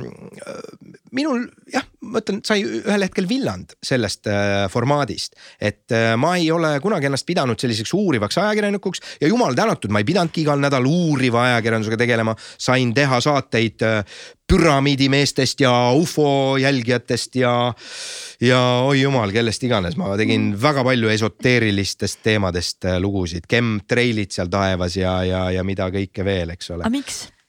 Kas sulle anti need või sa ise valisid äh,? ise valisin pigem, et, äh, et õnneks noh, selline hea äh, sünergia oli toimetuses, said, said ikkagi enam-vähem teha seda, mis, mis sind huvitas, eks ole, kui see läks kogu nagu toimetuse äh, Äh, nii-öelda poliitikaga kokku, et, et aga, äh, aga muidugi aeg-ajalt tuli teha ikkagi selliseid tõsisemaid lugusid ka ja eks ma üritasin seda vahekorda hoida kuidagi niimoodi kolm-ühele, et teen sihukest kolm võib-olla inimlikumat äh, human interest lugu, lugu nii-öelda. ja siis üks on selline tõsisem, et eks ma niimoodi tahtsin ka, et mitte ainult tilulilu kogu aeg igast nädalast nädalasse teha, eks ole, vaid, vaid midagi tõsisemat ka, aga jah, eks, eks mingil määral ma ütlen, jäi võib-olla kitsaks see, see formaat, see, et noh, viisteist minutit, eks ole ikkagi see enam-vähem niimoodi. et äh, ma tegelikult jah, viimased paar aastat tundsin sellist äh, väsimust äh, selle formaadi osas ja, ja, ja minu noh, esimene eesmärk tollal oli, oli jätkata ikkagi Eesti Televisiooni ridades, et, ähm, et see oli siis kaks tuhat viisteist aasta alguses. ja, ja, ja kuna me tollal noh, nii-öelda kokkuleppele ei jõudnud võib-olla uute ideede osas ühel või teisel põhjusel, siis, siis tuli langetada valik sisuliselt tuli langetada valik, kas ma teen, mida ETV juhtkond oleks soovinud, tee edasi seda Pealtnägijat. kas ma siis oleks teinud seda niimoodi, et silm ei sära enam ja suunurgad pole ülespoole või lõikan selle nabanööri katki ja, ja lähen siis proovin nii-öelda õnne mujal ja ma otsustasin, et noh, mis mul ikka kaotada on, et, et noh, eks ma, eks ma nagu päris algaja enam pole, eks ole, selles äh, televisiooni ja meediamaastikul, et mingil määral olen oma nime teinud, eks ole.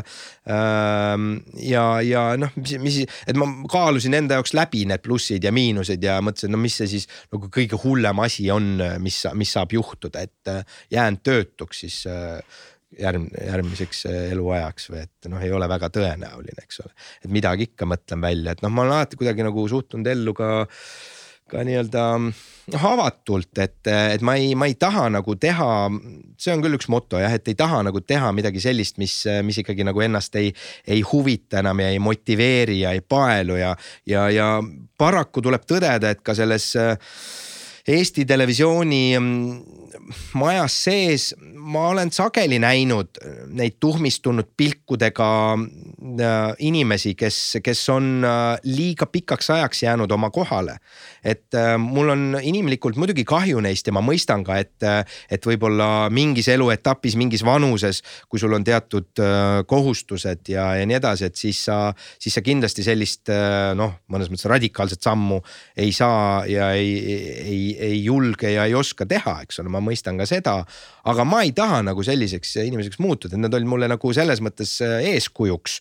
Mm, on ju, natuke äraspidises võtmes, et, et ma ei taha nagu selliseks muutuda ja siis ma tulin ära ja, ja noh, mitte kaua aega hiljem siis äh, ega oligi Olle Mirme Kanal kahes tollane programmijuht siis, siis pakkus mulle väga head hüppelauda, millega siis nii-öelda avalik-õiguslikust televisioonist tulla erameediasse. mis oli siis kaks tuhat viisteist aasta sügisel eetris olnud talk show nimega Viis aastat hiljem. selline no glamuurne ikkagi pintsak seljas, lipp sees ja glamuurne talk show Eesti selliste tuntumate inimestega on ju, et see oli tore formaat, ma ei saaks öelda, et selline talk show stuudios äh, äh, prožektori vihus äh, publiku ees on selline võib-olla kõige, kõige kõigem formaat minu jaoks, kõige mugavam ja, ja, ja meeldivam formaat. aga ma otsustasin seda proovida ja, ja, ja ma arvan, et ma ei olnud äh, kindlasti äh, kõige säravam võib-olla valik äh, sellesse, sellesse formaati, kindlasti on minust äh, palju paremaid intervjueerivaid ja selliseid tunniajase saate nii-öelda tempo üleshoidjaid, aga, aga, aga siiski ma arvan, et ma tulin sellega üle keskmise toime. ja see oli hea hüppelaud ja see oligi selline noh ta oligi kümnesaateline nii-öelda saatesari. ehk et ma teadsin, et ma alustan seda septembris ja sisuliselt detsembriga see lõpeb. ja siis uue aasta alguses äh, me olime, olimegi situatsioonis, kus me äh, istusime siis äh, Ollega ja, ja, ja minu tollase produtsendi Margusega maha ja arutasime, et mida me edasi teeme ja sealt kooruski vaikselt välja selline reportaažide sari, millest siis sündis sama kahe tuhande kuueteistkümnenda aasta kevadel saatesari Roaldi nädal. me tegime kõigepealt ühe nii-öelda pilootosa, äh, mille nimeks küll ei tulnud Roaldi nädal, selle nimi oli Ida-Virumaa katastroofi äärel et me, me ja otsustasime, et tollal oli siis see Ida-Virumaa suur töötus, töötuse kriis. Ähm, ja, ja, ja me läksime siis Ida-Virumaale, leidsime äh, sellised dramaatilised näited inimestest, kes on oma töö kaotanud ja jälgisime, mismoodi nad Eesti Vabariigi ähm, aastapäeva tähistavad. käisime neil seal kodus peol ja, ja, ja siis uurisime nii-öelda Äh, läbi sihukese inimliku aspekti, et äh, mis nad siis nüüd edasi teevad, jälgisime, kuidas nad Töötukassas käivad ja nii edasi, no selline klassikaline Roaldi nädala formaat. ja, ja, ja, ja sellest samast ühest saatest äh, kooruski välja äh, saatesari. et äh,, et Olle arvas, et me võiks edasi teha midagi sellist ja, ja siis tegimegi. no päris hästi on teil läinud jah yeah.. aga kuidas sa üldse otsuseid vastu võtad elus, mis on sinu jaoks kõige olulisemad asjad, mida sa esimesed parameetrid, mida sa jälgid? issand, kui üldine küsimus, kuidas seda siis niimoodi võtta, mis ei, see oleneb? kui sa võtad näiteks äh, karjäärialased otsused mm, -hmm. et kui sa pidid äh, okay. lahkuma ja. Äh, ETV-st ja. ja minema, minema Kanal kahte, et mis, mis on mm -hmm. need asjad, mida sa. no ma olen klassikalises mõttes vabakutseline on ju, ma ei ole Kanal kahe töötaja ka siiamaani, aga, aga jah, et noh, nagu ma ütlen, et, et, et ma ei taha olla veel kord, ma, ma, ma, ma tahaks teha tööd mitte töö pärast, vaid sellepärast, et see mulle meeldib ja, ja, ja ma ei näe ennast sellises üheksast viieni ähm, töö tegemise raames äh, inimesena, et äh,, et ma väga hindan sellist äh, noh, oma aega, vaba aega, seda, et ma saan olla oma aja äh, peremees ja, ja valdaja.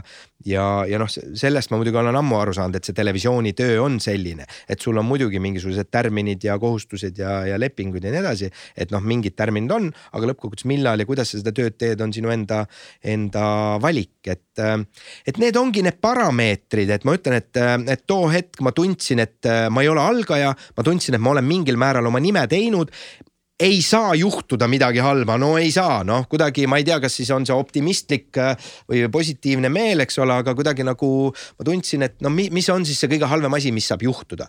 noh, ole okei okay,, noh, olen pool aastat töötu või no ma otsin, noh, noh fine, et, äh, et tulen, tulen sellest välja. Äh, tõsi, perekondlikke kohustusi äh, ei olnud too hetk ka et, äh, et kindlasti ma mõistan, eks ole, et, et ma ütlen, et teatud eluetapis võib-olla tõesti, kui sul on seal öö, äh, kolm erinevat öö, äh, liisingut ja laenu ja, ja, ja laste huviringid ja nii edasi, et rahalised kohustused on ju. et, et siis, siis jah, sa pead öö, rohkem kalkuleerima, et too hetk võib-olla selliseid kohustusi mul, mul ei olnud, on ju sel, sellisel määral, et, et see mind kindlasti tagasi hoidnud ja tead, ma arvan, ma arvan, et see ei hoiaks mind tänasel päeval ka tagasi, et et ei, ma ei taha olla, ma liiga, liiga noor veel selleks, et kuidagi nagu hakata siin mingi pensionipõlve peale mõtlema, on ju. et kui ma oleks seal, ma ei tea, noh ütleme piltlikult öeldes kuuskümmend või, või ütleme siin pensionieelik, eks ole, kellel on siin noh, mingisuguse piirini või finišijooneni on veel niimoodi natuke minna, et paistab juba, et noh, siis võib-olla veel, et okei okay, hea küll, mulle see küll nagu eriti ei meeldi. ma nagu ei viitsi väga nagu seda teha ja nagu no ei löö silma särama, aga hea küll, see kaks aastat ma venitan välja. no sellises situatsioonis jah, et see kõik sõltub nagu eluetapist on ju. nii et äh, avatud optimistlik äh, meel ja, ja, ja valmisolek äh, uuteks kogemusteks. et, äh, et ma ei taha, kuidagi ma olen mõelnud, et ma ei taha seda maist eksistentsi, seda elu, mis on ju lühike, eks ole, ära raisata lihtsalt sellele, et ma teen sellise noh, ma ütlen tuhmispilguga seda, mida ma tegelikult teha ei taha, et ma üritan ikkagi nagu, nagu teha nii, et, et oleks oleks, et jõuaks selle valgustatuseni, selle Dalai-laama valgustatuseni kurb oleks elada elu tuhmide silmadega, täiesti yeah. sekundeerin seda. aga see, et sul nüüd oma saade on oma nimega, kust see üldse tuli, et sinu nimi sinna ette läks? see on eraldi lugu ja see ei olnud üldse minu, issand, see algus tundus mul nii egotsentriline ja jumal küll, mille jaoks. aga ja ei, produtsent äh, Margus äh, tollal pakkus välja, kuule, paneme Roaldi nädal et äh, mulle tundus alguses küll, et äh, ma ei tea, kas see on parim mõte, samas noh, Ida-Virumaa katastroofi äärel ei saaks ka nagu tervet hooaega teha võib-olla, aga. päris hea clickbait on see. jah, ja, ja et äh, noh, eks ta, eks ta selles mõttes äh, noh autoripõhine saade on ja, ja, ja, ja ta annab vabad käed, eks ole, selle äh, nii-öelda äh, pealkirja raames saab teha mida iganes mm. -hmm. et samamoodi praegu retked, eks ole, et, ähm, et mida iganes ähm, äh, sisu põhimõtteliselt saab toota, et noh, et autoripõhisus on, on see märksõna. aga kas see hirmus ei ole, sest kui need saated nüüd ebaõnnestuksid, kui mitte kellelegi ei meeldiks, siis on otseselt sinu nimega seotud. üks asi on olla saatejuht, teine asi on see, et see saade on reaalselt sinu nimega mm. -hmm. ja, ja Roaldi nimi ei ole nagu Peeter või Margus või midagi sellist, see on ikka palju neid Roaldeid kuigi ka see jah, see on teine teema, aga see nimega on eraldi teema jah, ega ma võin olla siin ju äh, nomineeritud ja auhinnatud äh, telesaatejuht, aga ega seda nime väga paljud öelda ei oska. oled ikka Ronald jah äh,? ja just viimane, eelmine nädal just üks Facebookis tag'is mu ära ja, ja kirjutas, et vot need Ronaldi hetked Eestis, see on mu lemmiksaade et noh, selliseid toredaid hetki ikka tuleb, eks ole, aga, aga ei no noh ma ütlen, et ka selle Roaldi nädalaga mm, kolm aastat me siis seda nädalat tegime ja selle mm. nädala selline fenomen olid äh, need rasked, äh, karmid sotsiaalsed teemad, on ju äh, kõiksugused sõltlased ja, ja, ja, ja haigused ja nii edasi, et, et, et too hetk hetk, miks ma ka seda fookust muutsin ja saate pealkirja muutsin, oli ka see, et ma tahtsin, et see, et need teemad, millega seda Roaldi nädalat tuntakse, jääksid sinna nädala nime alla. Ja, ja, ja noh, küll ma oleks kindlasti ka mingeid teemasid veel sinna leidnud, aga, aga mingi hetk tundus, et, et et ma ei taha just nimelt ka seda, et, et see latt vähemasti selle nimega ka nagu väga allapoole tuleks ja ei tahaks nagu, nagu lihtsalt ähm, Äh, teha asja tegemise pärast, et, äh, et, et ähm, äh, see oli see põhjus, miks ma edasi liikusin ja, ja pöörasin oma pilgu globaalsete eestlaste mm -hmm. peale ja, ja, ja muutsin saate nime Roaldi retkedeks, et, et eks ma loomulikult üritan ka, eks ma üritan ära tunnetada selle piiri, et, et kus, kus ma tunnen, et läheb nagu punnitamiseks ja, ja no tõesti nagu väga nagu ei tule. et noh, siis, siis ma nagu väga pikalt seda ikkagi nagu ei teeks ka. et, ähm, et eks ta on selline õhkõrn piir ja sisetunnetuse küsimus mm. -hmm. et ma noh, muidugi on sageli ju, ju näha, on, on ju selliseid näiteid telemaastikul noh, nimesid nimetamata, kus ikkagi nagu tehakse, tehakse asju sellepärast, et see, et see on aastaid käinud ja, ja teeme edasi ja, ja, ja noh, raha tuleb ja no muidugi raha tuleb ja aga, aga noh, nagu päris, päris nagu seda ei tahaks nagu väga pikalt äh, viljeleda. aga sa teed ju kogu asja tiimiga, et see ei ole nii, et sina saad otsustada, et nüüd on cancel ja ongi nii või on kõik sõnaõigus ainult sul? Um, ja kui te nii ei tee, siis ma lähen minema siit ja võtan selle roaldi siit eest ära. siis on ainult nädal see oleks päris igav. ja ei, me oleme mõelnud ka, et kui roaldi teha, siis saab ju keegi teine edasi teha, noh Kristjani nädal või midagi sellist et ähm, ja ei noh, kasvõi Rooldi nädalat me tegime ikkagi, meie põhituumik oli, ma ei saaks öelda, et see on suur tuumik. et Pealtnägijaga Eesti Televisiooni toimetuste suurusega ei anna, ei anna võrreldagi mm -hmm. era, era, erakanaleid. et äh, me tegime sisuliselt seda, seda sisulist tööd ikkagi kolmekesi tollal. produtsendi ja, ja toimetaja Anne-Mari Mülleriga, äh, kellega me neid teemasid äh, välja mõtlesime ja, ja, ja, ja kes aitasid ka seda saadet siis, ähm, siis toota ja kokku lõigata, et ähm, äh, äh, jah, aga aga noh, ütleme, mis siin salata, kuna sellel saatel on minu nimi äh, ikkagi laias laastus minu autorisaade, siis äh,, siis ma arvan, et ikkagi minul on õigus öelda äh,, kui kaua ja kui palju ma seda teha tahan mm. -hmm. ehk et kui ma tunnen, et, et mul on nendest sotsiaalsetest teemadest villand, ma olen ära rääkinud need lood ja, ja, ja, ja ma näen, et minu postkast on pungil järgmistest äh, haigusorganisatsioonidest, et kuule, sa ei ole meie haigusest teinud, sa ei ole meie haigusest teinud, eks ole, sellest, siis ma lihtsalt tun-, tundsin mingi hetk jah, et, et äh, mul on aeg äh, edasi liikuda oma, oma äh, fookusega mistõttu ma arvan, et, et see, see sõnaõigus mul oli too hetk mm. -hmm. kui palju, kui palju Roheldi retkede formaadi muutusest oli see, et uh, ma saan nüüd ju ringi reisida ja, ja äh,, ja reisimine on tore äh,. mulle kindlasti meeldib reisida, aga, aga pigem ma arvan, et selle ikkagi põhisisu moodustab see, et mind päriselt huvitavad need lood. mind päriselt huvitavad, mind tegelikult inspireerivad äh, need inimesed, kes on noh, tõesti selle julguse kokku võtnud ja läinud. et see ei ole üldse lihtne otsus, mõnel puhul lihtsam, mõnel, mõnel vähem, aga, aga mind huvitavad, muidugi see on, see on selline boonus nii-öelda kõrval boonus, et sa saad ka võib-olla uusi maid ja, ja, ja, ja kultuure näha, muidugi on, muidugi on, kindlasti on, ma ei, ma ei saaks öelda, et see ei ole, et see on vähetähtis, on ju. no kas see, sina ise pead ju olema inspireeritud või sina ise pead olema tah-, sa pead tahtma seda saadet teha ja muidugi. ja sellepärast sa peadki tegema sellise saate, kus on kõik komponendid, mis sulle meeldivad. absoluutselt, täpselt ja, ja, ja õnneks kui sa küsid, et kuidas sa oma saate said, eks ole, siis noh, õnneks ma olen seda kuidagi ma ei oska öelda, juhuste või saatuse või, või enda äh, ikkagi tahtel ma olen jõudnud jah, sinna, sinna kohta, kus, äh, kus ma õnneks praegu saan otsustada. ja, ja selle otsuse ma sain teha ja, ja see läks kokku ka tollal kanali äh, visiooniga ja, ja, ja seda noh, ma olen siiamaani kuni siis kevadeni ma olen seda teinud, on ju. et noh, enne seda koroonavärki mm., et nüüd see on nüüd eraldi teema, aga mm, -hmm. aga, aga mind, mind tõesti paeluvad need lood ja need on põnevad lood, et et ma valin ka, ega, ega siis see sõel on ka suhteliselt tihe ju, kuidas, kuidas äh, ma valin neid, et, äh, et ega teps mitte iga lugu, ma ütleks, et kümnest äh, loost üheksa ei sobitu minu saatesse, et, et võib-olla üks sobitub, et, et, et eks seal on nagu erinevaid parameetreid, mille järgi see valik tuleb langetada, aga, aga need on ägedad lood mulle meeldivad, ma, ma mitte, et ma nüüd ise tahaks karata kohe Eestist ära, vaid mm -hmm. ausalt, ma olen seda öelnud ka, aga, aga mul on ausalt, mida rohkem ma ära käin, seda rohkem ma tunnen äh, tegelikult oma juuri siin ja, ja armastust äh, äh Eestimaa vastu. viimasel ajal küll vähem Eesti poliitika vastu, aga aga, aga, aga mulle meeldib see koht, kus, kus ma elan ja, ja, ja, ja ma tahan alati tagasi tulla sa rääkisid, et sul on erinevad parameetrid, mille järgi sa valid üldse, et mis sobitub sinu saatesse, aga mis oleks võib-olla siuksed kolm asja, mis sa ütled, et mis on olulised selle jaoks, et saade oleks üldse edukas? Kuulake nüüd kõik, kes tahavad teha saatesse pakkumisi.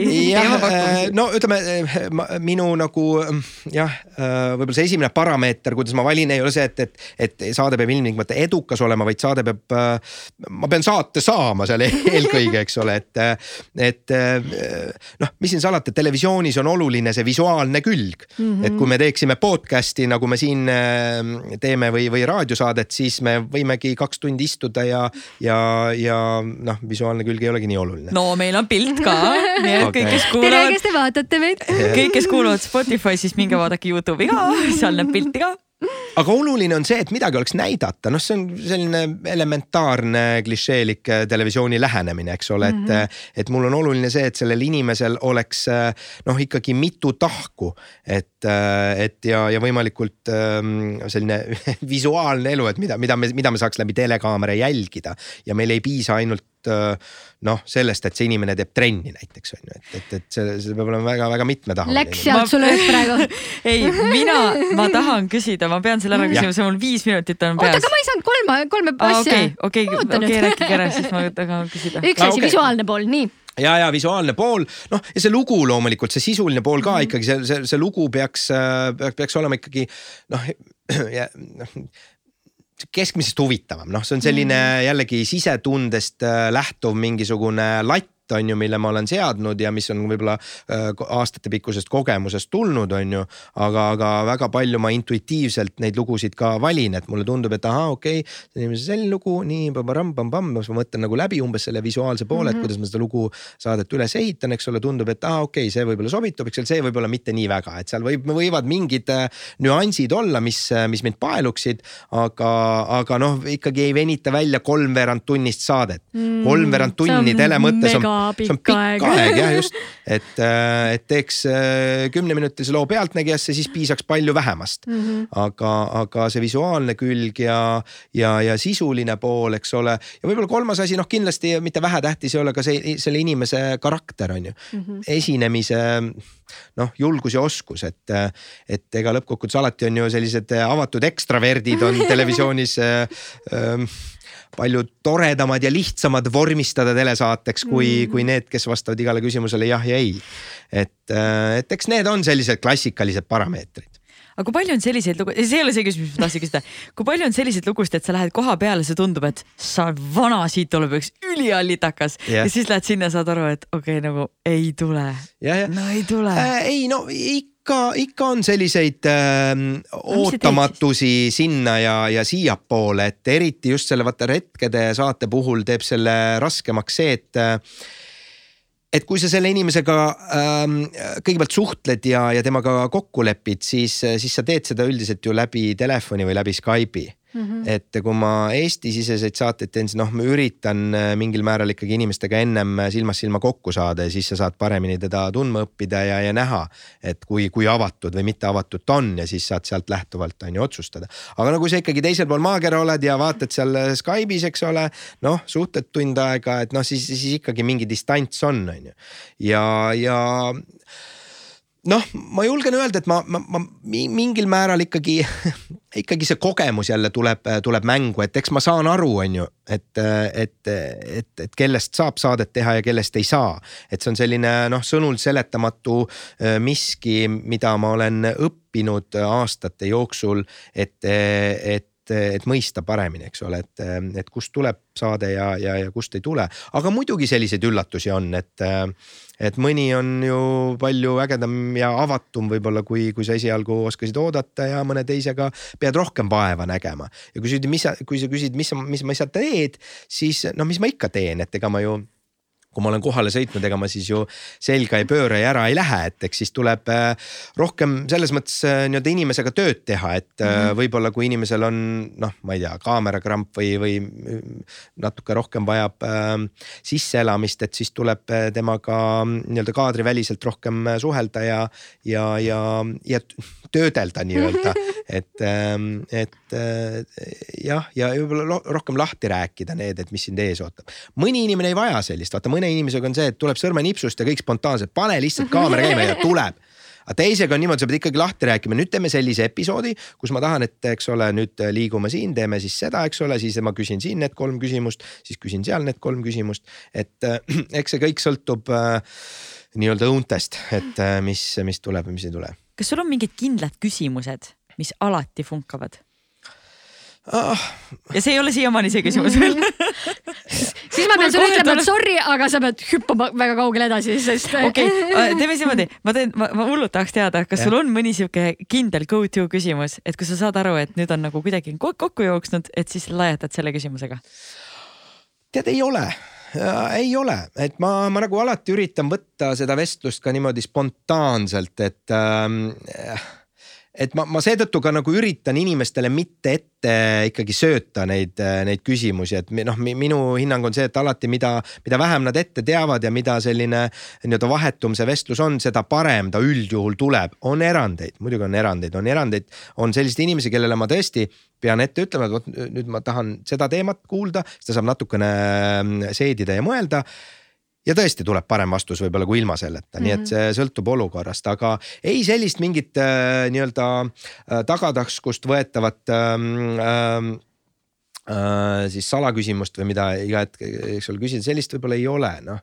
et äh, ma üritan ka neid küsimusi ju sõltub olukorrast jälle pigem nagu selliste lihtsamatena hoida, et noh, kas noh, Roaldi nädalas, ega ma ju tollal noh, ega ma ei küsinud midagi, midagi väga erilist, eks ole, et need inimesed olid äh, tihtilugu raskes seisus ja, ja noh. sa lihtsalt suhtlesid? ma lihtsalt suhtlesin ja küsisin, kuidas teil läheb mm. -hmm. kuidas teil läheb, kuidas sa saad hakkama selles olukorras, eks ole, kui sul, ma ei tea, ühte jalga pole või või mis iganes häda, häda on, eks ole, et kuidas, kuidas sa tuled sellise igapäevaeluga toime, on ju, noh retkede saates loomulikult sellist äh, võib-olla nii suurt, no niisugust kaastunnet tekitavaid äh, karaktereid, vestlusi ei ole, eks ole, et seal võib-olla need küsimused on rohkem sellised äh, ma ei tea, praktilisemat laadi, eks ole, et kuidas noh, ma tahan portreteerida seda, seda elu, mida nad elavad seal konkreetses ühiskonnas, konkreetses kultuuriruumis, et siis vastavalt sellele siis jagame need episoodid ära ja, ja, ja üritamegi siis avada ka läbi selle inimese seda, seda riiki või rahvast. okei okay,, ma luban, nüüd on viimane.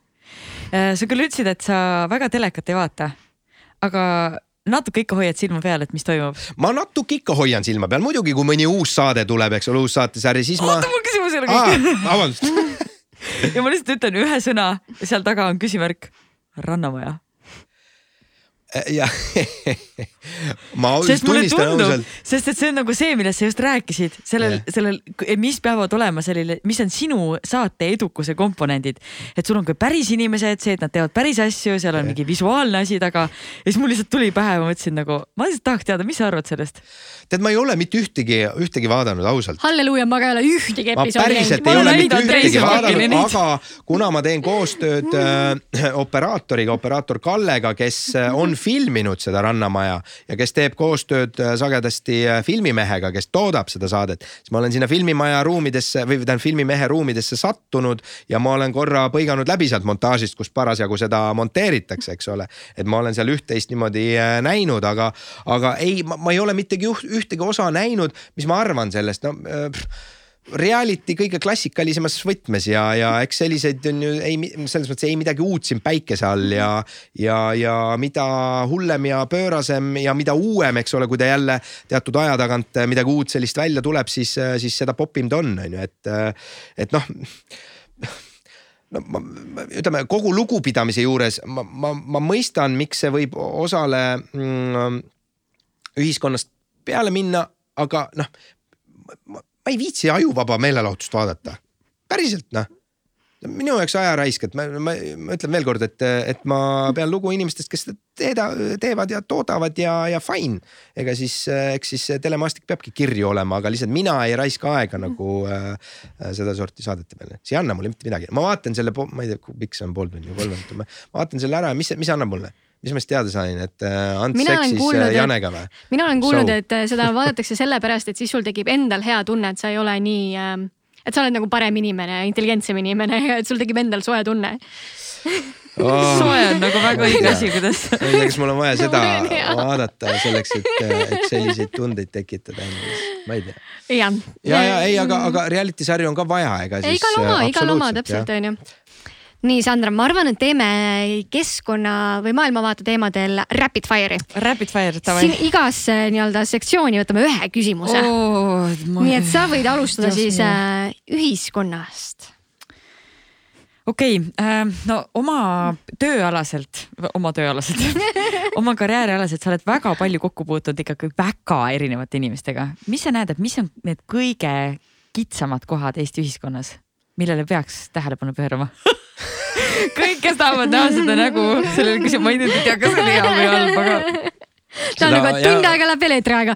ja, ja, ja huvitav jah, aeg-ajalt küsitakse jah, umbes samalaadseid küsimusi, et umbes, et vot ma olen umbes üle Eesti läbi käinud kõik maakonnad ja kõik inimesed läbi intervjueerinud, kes võimalik on, et sa kindlasti tead, kuidas Eesti elu on ja kuidas parandada. kuule, ma arvan, sa tead paremini kui Eesti poliitikud, nii et. jaa, no tead, mis ma ei, mida parandada, no ühesõnaga mm, see ei ole sihuke universaalne budistlik lähenemine muidugi, aga jubedalt tahaks nagu äh, elada natukene sellises äh, empaatiavõimelisemas ähm, ühiskonnas, eks ole, kus, äh, kus ikkagi põhimõte ära tee teisele seda, mida sulle, äh, mida sa ei taha, et sulle tehtaks, et, äh, et oleks selline levinud, eks ole, ja, ja sellist üksteise mõistmist, teineteise, teineteisega arvestamist.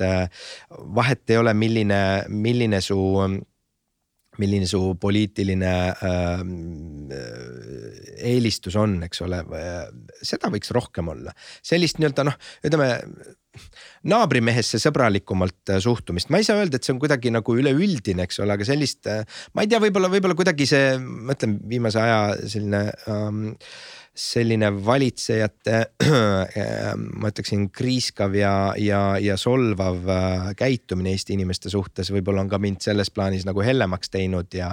ja kuidagi tahaks, tahaks natuke nagu äh, rahulikumat ja sõbralikumat äh, õhkkonda. ma ei tea, jube muidugi umbmäärane ja.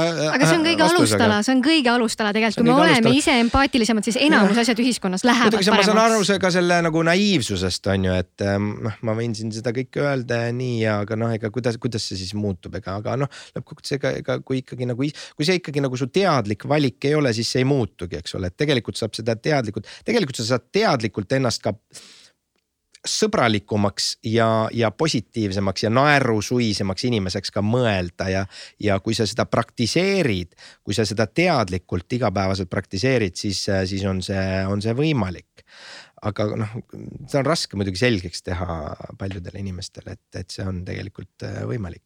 jah, see ongi programmeerimine, õppimine, see ongi paremaks inimeseks saamine, pidevalt ja. kasvamine on ju. jah mis sa veel teada tahad mina võtan järgmise küsimuse. mul tekkis umbes kümme küsimust siia, aga järgmiseks korraks siis. ja, et mina küsiksin, äh, üks fookusteemasid, mida me ka käsitleme algusest peale oma podcast'is tegelikult on keskkond mm. -hmm. kuidas sinul suhe sellega on, et kui palju sa mõtled sellele, et meil kliima soojenemine on ja, ja, ja et sa ise käituksid rohelisemalt? noh, väga praktilised sammud, mis ma siin viimase, ma arvan, paari aasta jooksul olen teinud, et äh, ma ei osta enam kilekotte poest, noh, see on muidugi selline klišeelik lähenemine, ma arvan, paljud on selle, selle otsuse. väga oluline samm. aga, aga tõepoolest ma, ma ostan koju ainult paberkotte mm, -hmm. see on vist äh, nõks kallim, päris täpselt seda vahet ei tea, on mingid väga erand juhud, kus ma olen võtnud kilekoti ka, ma ei teagi, miks mm. -hmm. Et, et ma üritan seda paberkotti viljeleda um, paar aastat tagasi ma ka koduses majapidamises tegime sellise muutuse, et me et me tellisime selle pakendikottide äraveo mm -hmm. ehk siis äh, varasemalt, see on meil nüüd paar, paar, kaks pool aastat olnud, et, et varasemalt tõesti, et kõik läks nagu ühte kasti, siis, äh, siis nüüd ikkagi väga selgelt me sorteerime need pakendid ära. sest tõesti jälgisime, et, et mingisugune pool või üle poole sellest prügist moodustavadki pakendid mm. -hmm. et prügikonteiner sai nii kiirelt täis, et nüüd on pakendid eraldi kollasesse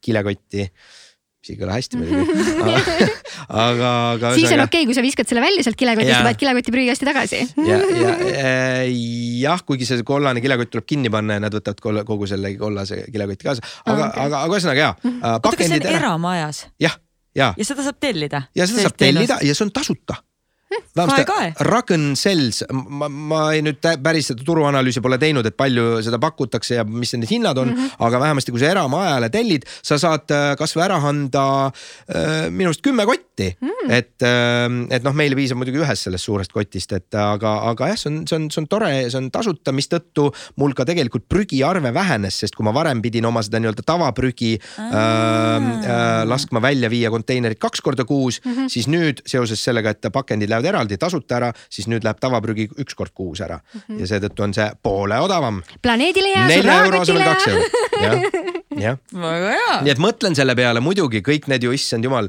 oleme ju paljudest dokkidest kõiki neid äh, plastiksaari ja, ja asju näinud ja neid äh,, äh neid mere, mereloomi elukaid, et, äh, et see kõik võtab ikkagi nagu äh,, paneb südame äh, verd tilkuma, et, et seda on, seda on kohutav vaadata muidugi. aga noh, jah, jällegi noh, üks väike samm muidugi, et sa siin teed seda, aga ega, ega no laiemas pildis, eks, eks see peab olema ikkagi selline globaalne otsus, eks ole, et kõik, kõik suuremad äh, äh riigid peaksid ikkagi sinna nagu taha tulema ma naiivselt veel usun, et äkki me nagu jõuame kunagi natukene mõistlikuma ühiskonna ja tarbimiseni, et ma ei ütleks, et see on naiivne, ma arvan, see lihtsalt on hea usk. Jätame selle nii, jätame selle nii. heauskselt usun. jaa kas me nüüd peame spordi juurde minema? sul on veel vaimne ka, saad ühe küsimuse, kui soovid. okei okay kui palju, okei okay,, sa keskendud äh, sellele, et sa sorteerid prügi, äh, tegeled keskkonna hoidmisega, kui palju sa tegeled oma vaimu hoidmisega, kui palju sa pöörad tähelepanu oma vaimsele tervisele? see on väga-väga oluline teema um,.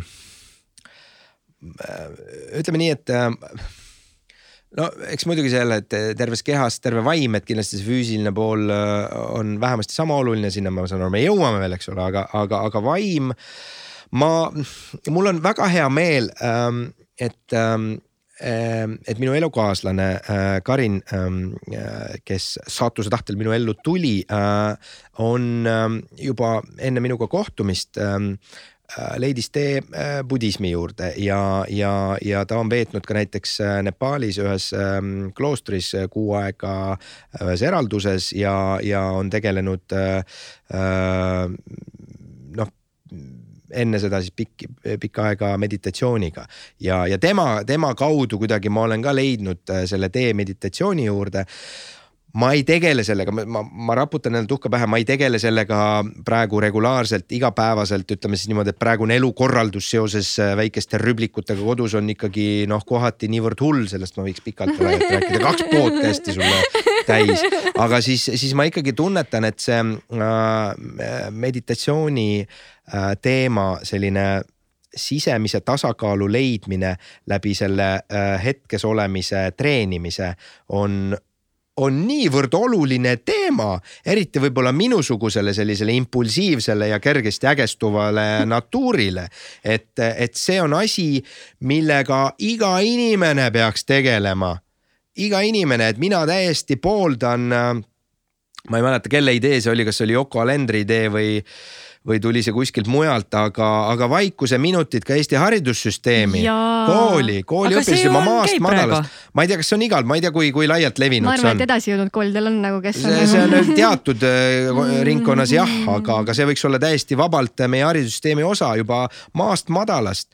ongi, et tund algabki, äh, ma ei tea, on see siis minut või, või kolm minutit sellise vaikuse minutiga, eks ole, mis, mis ongi ju nii-öelda esimene samm äh, meditatsiooni poole. ega siis meditatsioon ei tähenda seda, et sa pead äh,, ma ei tea, siin äh, noh, pool aastat kuskil koopas elama, eks ole äh,. mis kindlasti on ka tore kogemus, aga, aga, aga kui sa igapäevaselt kasvõi äh, noh, tõesti kasvõi kümmekond minutit äh, leiad, et, ähm, et korra nii-öelda äh, oma keskkonnas ähm, nii-öelda äh, vaikselt oma mõtteid jälgida, eks neid tehnikaid on seal erinevaid, siis, siis, siis selle tõttu ähm, ma tunnen küll, ma võiksin olla parem inimene. veel kord, ma räägin praegu teoreetilist, teoreetilist juttu, eks ole, mida ma võiksin teha ja, ja see on selge siht, minu, minu üks tuleviku siht, millega ma kindlasti ähm, plaanin äh, regulaarselt äh, tegeleda ma olen maitse suhu saanud, ma kaks aastat tagasi käisin nädalasel äh, meditatsioon, äh, nädalases laagris äh, siin Eestis ühe, ühe Austraalia budisti juhendamisel. järgmine suvi on ta tulemas taas Eestisse, see suvi ta siin olude sunnil ei saanud, ei saanud tulla. järgmine suvi on ta taas tulemas. kindlasti, kui vähegi jälle perekondlik olukord võimaldab, ma tahaksin sinna minna ja ja, ja see on teema, mida, mida ma tahaksin viljeleda kindlasti.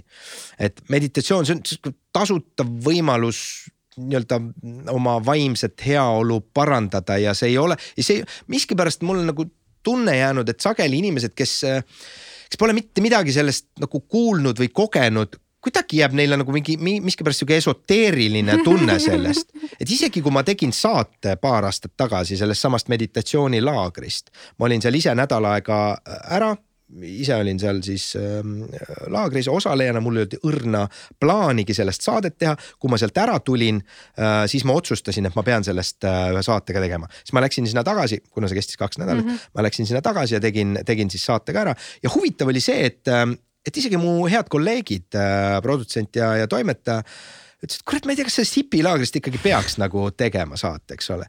ja siis, siis pärast veel ma mäletan, toimetaja kirjutas, et ma ei tea, see joogavärk on kuidagi nagu, nagu veider, eks ole. Nagu mida, et, et noh, kurb on, on nagu kuulda ähm, neid arvamusi, mis, mis võib-olla ei lähe nagu päriselt konteksti, ma saan aru, et kui sa ei ole seda päriselt noh kogenud, siis, siis, siis, siis võib-olla see tundubki nagu mingisugune uhhuu värk, aga see ei ole seda, see ei ole seda. See on lihtsalt öö, oma mõtte treenimine ja see ei ole ka mingisugune hingamisharjutus vaid see on oma mõtte treenimine ja fokusseerimine, tänu millele kui sa seda praktiseerid äh, regulaarselt, siis äh, on su vaim äh, rahulikum, sa oled ärksam ja sa suudad paremini keskenduda oma igapäevatoimetamistele, oma igapäevatööle. sa oled palju viljakam ka oma loomingulises töös, sa oled palju rahulikum ja, ja parem partner oma, oma perekonnakaaslastele. et ähm, see ei ole midagi muud ehk siis siinkohal, kui te ei ole veel meditatsiooni proovinud, siis äh, väga julgustame tee ette võtta ja vähemalt proovida korra. ma arvan, Sportlandi podcast'i kuulajad on muidugi niivõrd äh, niivõrd laia silmaringiga inimesed, et, äh, et nad kindlasti on seda, kui mitte, kui mitte harjutanud, praktiseerinud, siis vähemasti teavad, eks ole, et see ei ole uhuu-värk mm. -hmm. ja kui on unarusse jäänud, siis võta kätte, tee yeah. täna üks väike meditatsioon. profülaktika mõttes nii, aga kas äh, ma, kui sa ise praegu ei mediteeri, ma pean selle lihtsalt ära küsima, sul on kaks last, praegu on meil pandeemia.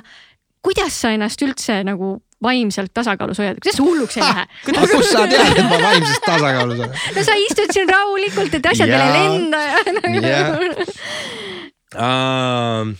no üks, üks uh, issand jumal küll, äh, tõesti, mul on kümnekuune laps ja kolmeaastane laps ja, ja mul on olnud äh, siin see, sel suvel ma olen maadelnud äh, väga suurte unehäiretega mul on olnud perioode siin viimasel ajal ähm, ja öid, kus ma ei ole uinunud ka niimoodi, et sa oled seal voodis, sul on silmad küll kinni, aga uni ei tule sinu juurde.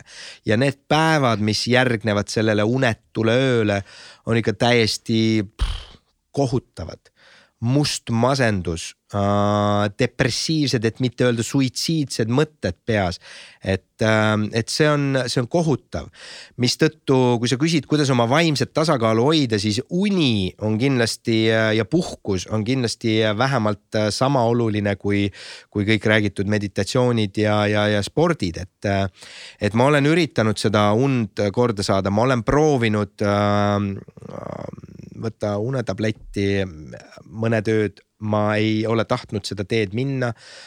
noh, ma olen kõiksugused magneesiumid seal melatoniini ja, ja muude asjadega, eks ole, läbi proovinud, muud sellised looduslikud vahendid, et et hui-hui-hui, ma pean ütlema, et siin viimase võib-olla kuu-pooleteise jooksul on, on see asi läinud paremaks. aga, aga on siin jah, seoses seoses väikelaste ja nende hapra unega on, on lihtsalt see, ütleme siis see öine segamine olnud niivõrd pidev, see lumepall on läinud äh, veerema. et ega sellest ühest ja kahest korrast ei juhtugi midagi, aga kui see on ikkagi nagu pige, pidev, konstantne, siis, siis lihtsalt tõesti mingil hetkel ma leidsin ennast olukorrast, kus äh, ma ei jäägi magama. ja, ja see on väga kurb, et, äh, et ma, ma tegin teatud korrektiivid ähm, voodiasetustes ja, ja tuvastes korraldustes seal, nii et, et et see on läinud praegu natuke paremaks aga, aga noh, praegu, praegu konkreetselt, kui me räägime tänasest päevast, siis me oleme olukorras, kus äh, minu väiksele armsale nooremale tütrele tulevad need hambad. juba siin kuuendat kuud tulevad hambad, tal on, ta on kümnekuune, tal on üks alumine hammas väljas, siis ma kutsun teda ükshambaks. ja need teised ei ole veel tulnud ja need, me ootame neid siin reaalselt kuus kuud. meil on kogu aeg, see on nagu mingisugune, mingisugune halb mantra juba, mida me tahame, hambad vist, hambad vist, hambad vist, kus kurat need on, need hambad, noh. kogu aeg on need igemed tunduvad paistes, aga ma ei näe neid, ma juba olen tahtnud saata arsti juurde hingemed lahti lõigata, midagi seal teha, aga jääokis on kole. aga ühesõnaga et, et on uni, ma olen aru saanud, et see puhkus, see on see, kus su kus su kõiksugused ajulõpmed äh, lähevad omavahel kokku ja kõik need staadiumid, REM-id ja need sügavamad staadionid, kõik need on vaja läbi teha, eks ole, et ka. mu naine kuulab mingit uneteemalist äh, podcast'i, siin on kuulanud mitte ühte raamatut, et siis ta ka mulle iga päev räägib, mis, mis, kui tähtis see kõik on mm -hmm. ja mhm. ja, ja kuidas sa tegelikult äh,, kuidas sa tegelikult ei äh,, ei ole võimeline järgi tegema seda äh, nii-öelda saamata jäänud und ehk et, ehk et kui sa üks magamata öö on juba nii-öelda damage is done, et, et sa ei, sa ei saa seda järgi teha. et sa mingil määral sealt taastud, on ju, aga, aga juba see võtab äh,, ma ei tea, kas siis elupäevi sinult või ma ei tea mida, eks ole, nii et see on nagu, see on teema, mis on väga oluline. et mina näiteks äh,, mul on hea sõber, kes ütleb, et äh, et tema magab viis tundi öösel ja ta ei vajagi rohkem und. tegelikult kõik vähemasti nii palju, kui ma olen aru saanud, teaduslikud analüüsid ütlevad, et no, no ikka täiskasvanud inimene seal, ma ei mäleta, mis see oli, et, et ikkagi seitse või kaheksa, kaheksa tundi on ikkagi nagu miinimum, mis sa pead mm -hmm. kätte saama. et mina näiteks ei saa aru sellest, mina ka ikkagi noh, ikkagi nii-öelda normaalsel äh,, normaalses olukorras, eks ole, ikkagi pff, ma vanasti ma võisin magada, no olgugi, et võib-olla läksin hiljem magama ka, aga võisin kümne-üheteistkümneni magada rahulikult, eks ole, ikkagi üheksa-kümme tundi mm. -hmm. ja, ja noh, praegu ka ma, ma lähen magama reaalselt, ma lähen oma, me magame kolmeaastase tütrega ühes toas ähm,. tema uneaeg, lähme voodisse umbes pool üheksa, noh, heal juhul üheksa ta uinub. ma olen viimasel ajal, et selleks, et nagu, nagu saada seda, neid numbreid täis sest ta ärkab ikkagi tavaliselt kuue või seitsme paiku on ju, ma ei saa lubada endal kell üks öösel äh, sinna minekut. ma lähen kell üheksa magama.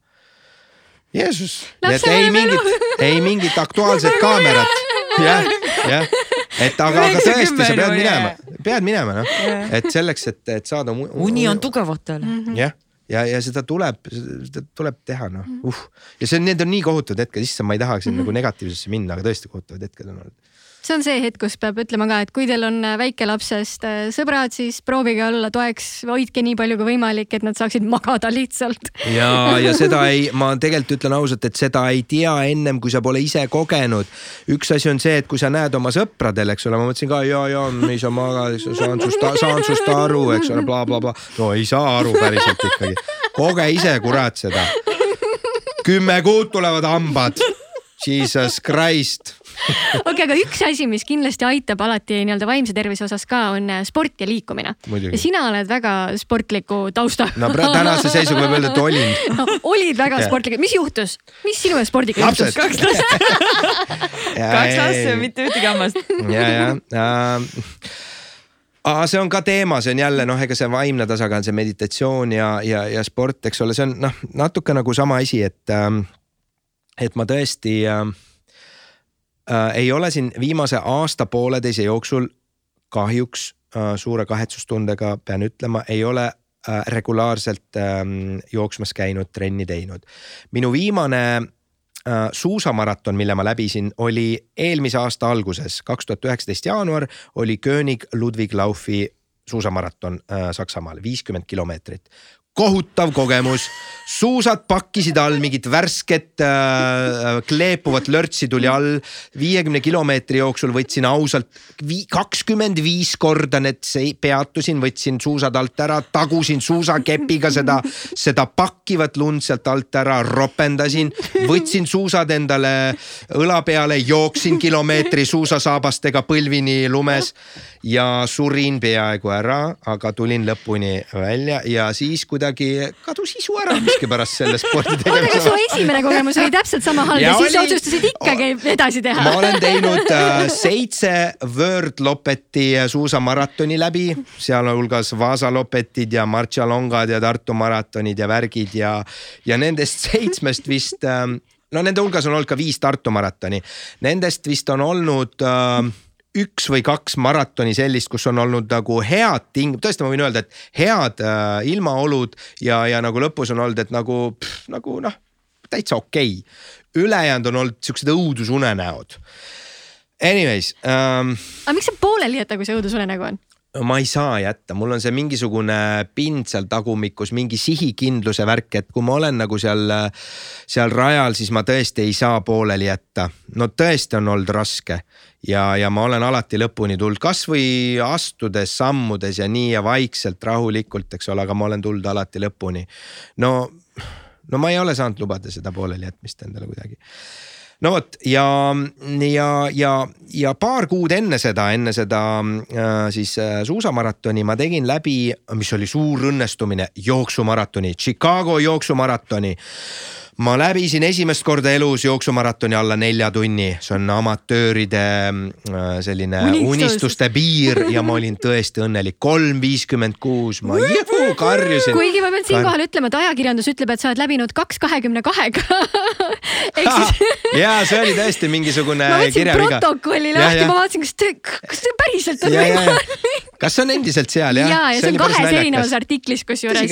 et ja see oli väga naljakas ja viga mida ma ütleme niimoodi ei kippunud minema parandama et see oli vist jah, minu esimene maraton, Berliini maraton, mis oli tegelikult noh, neli kakskümmend kaks. mis ei olnud ka tegelikult paha aeg esimese maratoni kohta. maratoni läbimine ise oli juba nagu rets saavutus. jah, jah, et, ähm, et ühesõnaga mul kõik need sportlikud saavutused, nii World Lopeti kümne suusamaratoni läbimine kui siis uh, um, World Marathon Majorsi uh, kuue jooksumaratoni läbimine, need on mul pooleli ühes ma olen seitse teinud kümnest ja jooksus ma olen teinud neli kuuest, nii et tegelikult need on pooleli kui ma selle Chicago läbisin äh,, oma suure eesmärgi täitsin, siis, siis see tuli tegelikult väikese vigastuse äh, arvelt äh,. mul tekkis Achilleuse kanna vigastus ähm, sinna nii-öelda äh, treenides ja, ja selle ma läbisin niimoodi, et mul oli ikkagi mingisugune muna oli äh, kanna mhm. peal ja, ja, ja see tegi veel aasta aega hiljem ka valu.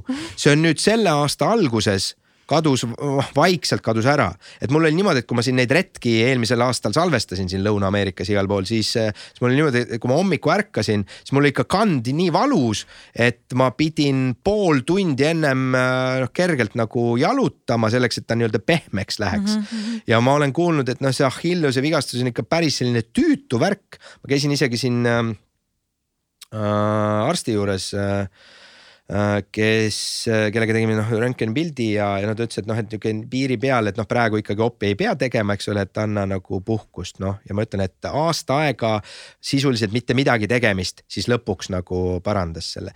ja siin on nagu noh, ma ütlen, et erinevad, äh, erinevad asjaolude kokkulangemised, üks asi on loomulikult need perekondlikud ja töökohustused, teine asi see, see vigastus, mis tõesti ei lasknud mul, mul teha ja, ja kuidagi ma kukkusin sellelt äh, rongilt maha ja, ja kindlasti mitte vähetähtis ei olnud ka see, see suure eesmärgi äh, täitumine, eks ole, et natukene selline loorberi lehele jäämine, et äh, nüüd on see täidetud, on ju, et. Äh, et pealegi mul ei olnud ka järgmisele maratonile, mis on siis, mis mul tegemata on Tokyo ja Boston, mul ei olnud sinna nii-öelda pääsu äh,. tähendab siis noh, sinna ma, ma ei saanud sinna starti, mistõttu mul ka natukene see treeninggraafik läks kuidagi nagu lappesse ja siis noh, mingi hetk ma jõudsingi sinna, et ma olen nagu sellelt rongilt maas pumm ja, ja, ja kuidagi ma nüüd äh, noh, ütleme, et jällegi ma, tunneli lõpus on valgus kindlasti. Äh, mitte rong mitte rong, et ma võtan selle asja ette ja, ja pean vaikselt step by step hakkama seda vundamenti jälle laduma.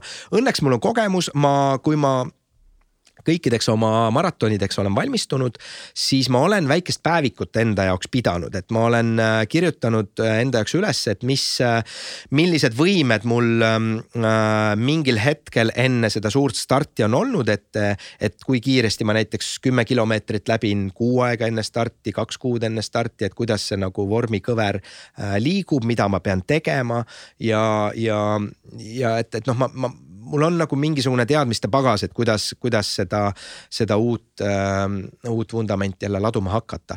aga muidugi sport jälle selle vaimse, vaimse tasakaalu kõrval on vähemalt sama oluline. puhkus meditatsioon äh,, füüsiline liigutamine, kõik see on selline suur, suur, eks ole, sümbioos, mida peab kõik äh, koos nii-öelda tegema, et, äh, et olla siis noh, nii-öelda mõistlikult toimiv inimene funktsioneeriv. jah, just. ma tahaksin küll siinkohal küsida veel miljon küsimust, aga ma tean, et meie jälgijatel on ka veel hunnik küsimusi. nii et me võtame need ka ette mm. teeme sealt näiteks kolm tükki. ja nii äh,, ma võtan kohe siit ühe, mis oli päris pikk Oho. ja see mulle lausa saadeti, vastati küsimusena ja siis saadeti veel eraldi kiri ka, nii ei, mu küsimus ei mahu boksi. Katriin küsib siis seda ähm,. olin vaimustuses, kui Roald tegi Pealtnägijas töötades loo Eesti peaingli jälgedes, millest hiljem tuli välja ka erisaade äh,. olles ise äh, Rodriguez'e muusika austaja, olin sellest vaimustuses ja õnnelik, et keegi oli selle pusle võtnud lahendada mm. -hmm. palun küsi temalt, kuidas jõudis temani see saad, see teema. kas sa kuulasid ise tema muusikat ja see hakkasid selle peale mõtlema või oli see kuidagi teistmoodi? Ja siis ta lisab ja veel Roald on minu silmis Eesti parim teleajakirjanik, ajakirjanik ai, suur tänu. ja paljude teiste nagu auhinnad kõnelevad? Ja, ai see Rodriguez'e teema, see peaingli jälgis, see on üks meeldejäävamaid üldse lugusid ja, ja jah, eriprojekte, mis ma olen teinud, et et aga e, e, ütleme ei, see alguspunkt ei olnud minu jaoks Rodriguez'e muusika ja sealt ei alanud see, vaid ikkagi see, see kuulus äh, äh dokfilm film Searching for Sugar Man, eks ole, mille üks Rootsi kutt äh, hiljem traagilise elusaatusega äh, tegi, millest ta sai parima äh, dokfilmi Oscari, eks ole ähm,. sealt hakkas see kõik ketrama mm,. sealt hakkas see ketrama ja oota, see oli aasta vist kaks tuhat neliteist ja aastakene enne, kui ma Pealtnägist lahkusin ja seal oli vist niimoodi, et Pumburum, jah, loomulikult meieni ju, äh, meie toimetuseni kõik me siis ju vaatasime suure, äh, suure ähm, Äh, härdusega seda filmi, mis on suurepärane film, suurepärane lugu ühest Detroiti ehitajast, eks ole, kes juhuslikult enese teadmata oli teisel pool maakera Lõuna-Aafrika Vabariigis saanud jumaluse staatusesse oma, oma väga ägeda loominguga. ja, ja, ja loomulikult see Estonian Ark, Archangel, kellest ta laulis oma imelises loos jõle äge, äge, ägedad laulud äh,. siis muidugi see jäi ka meie kõrvu ja, ja palju eestlaste kõrvu. ja ma mäletan, et vist kolleeg Piret äh, hakkas kuidagi ajama ähm, Pealtnägijas seda jälgi, neid jälg, jäl-, jälgisid eesti keel ähm, äh, aga kuidagi ta jooksis ummikusse ja mingil põhjusel jõudis see lugu minu kätte kätte ja, ja mul on selline, ma ütlen, selline sihikindlus, selline, ma ütlen seal Vaasa Lopeti äh, viiekümne teisel kilomeetril peaaegu surres, eks ole, siis, siis kuidagi nagu tahtmatus asju pooleli jätta. ja siis ma hakkasin nagu kerima seda, kuidagi hakkasin otsima. ma sain ühenduse Rodriguez'e tütardega, kellest üks, ma mäletan, elas seal Lõuna-Aafrika Vabariigis ja oli vist äh, militaartaustaga ja teine oli äh, Detroitis. ma sain nendega kuidagi kontakti, nad ei olnud väga koostööaltid, sest ilmselt ka sellel Rodriguez'el oli, oli ka selle filmiga seotud tähelepanu võib-olla veits too much, sest ta tõesti oli Detroiti ehitaja, kes oli äkitselt saanud maailmakuulsaks, on ju. Äh, et, et ma läbi nende ei, ei saanud palju linke, aga aga oota, kuida-, jah, ma kuida-, ühesõnaga kuidagi ma jõudsin äh, ikkagi miskit pidi selle Heikini, selle, see eestlane, kellest äh, see Rodriguez laulis, oli Heiki jah Ähm, ja, ja, ja kuidagi, ma ei mäleta kõiki detaile, mhm. ühesõnaga ma jõudsin läbi, läbi mingisuguste kanalite ähm, äh, selle eestlaseni, tema vennani, tema äh, sugulasteni, kuni siis lõpuks ma jõudsin välja ju ringiga Kuno Tehvani, Nõmme Kalju jalgpalliklubi presidendini, kes on selle äh, Heiki sugulane, ma jõudsin selle sugupuuni, mis oli väga äge ja, ja wow. ja, ja see tegelikult kulmineerus, mida ma seal saates selles filmis ei, ei maininud. ma tegelikult ju käisin ka selle Rodriguez enda jälil ja kuna ma mäletan, et see, et see tütar ähm, ma olin muidugi natuke pealetükkiv ka, eks ole, ma tahtsin selle Rodriguez'ele loomulikult ka intervjuud, et Rodriguez'e käest küsida, et kuule, et mis sõber see Heiki sul oli ja, ja nii edasi, eks ole. see tütar ei võtnud vedu ja siis ma tegin niimoodi, et ma printisin sealt äh, filmist välja stillkaadri sellest Rodriguez'e majast või vähemasti sellest majast, mida seal filmis näidati, kus ta väidetavalt äh, elab. ja ma käisin Detroiti peal otsimas seda maja What? niimoodi, et ma käisin äh, selles baaris, kus see Rodriguez oli joonud, ma selle baari leidsin, tuvastasin Google Maps'i abil ülesse. ma käisin seal baaris ja need inimesed tõesti nagu teadsid seda muusikut ja nad ütlesid, et, et mine sinna Hispaania linnaossa ähm,.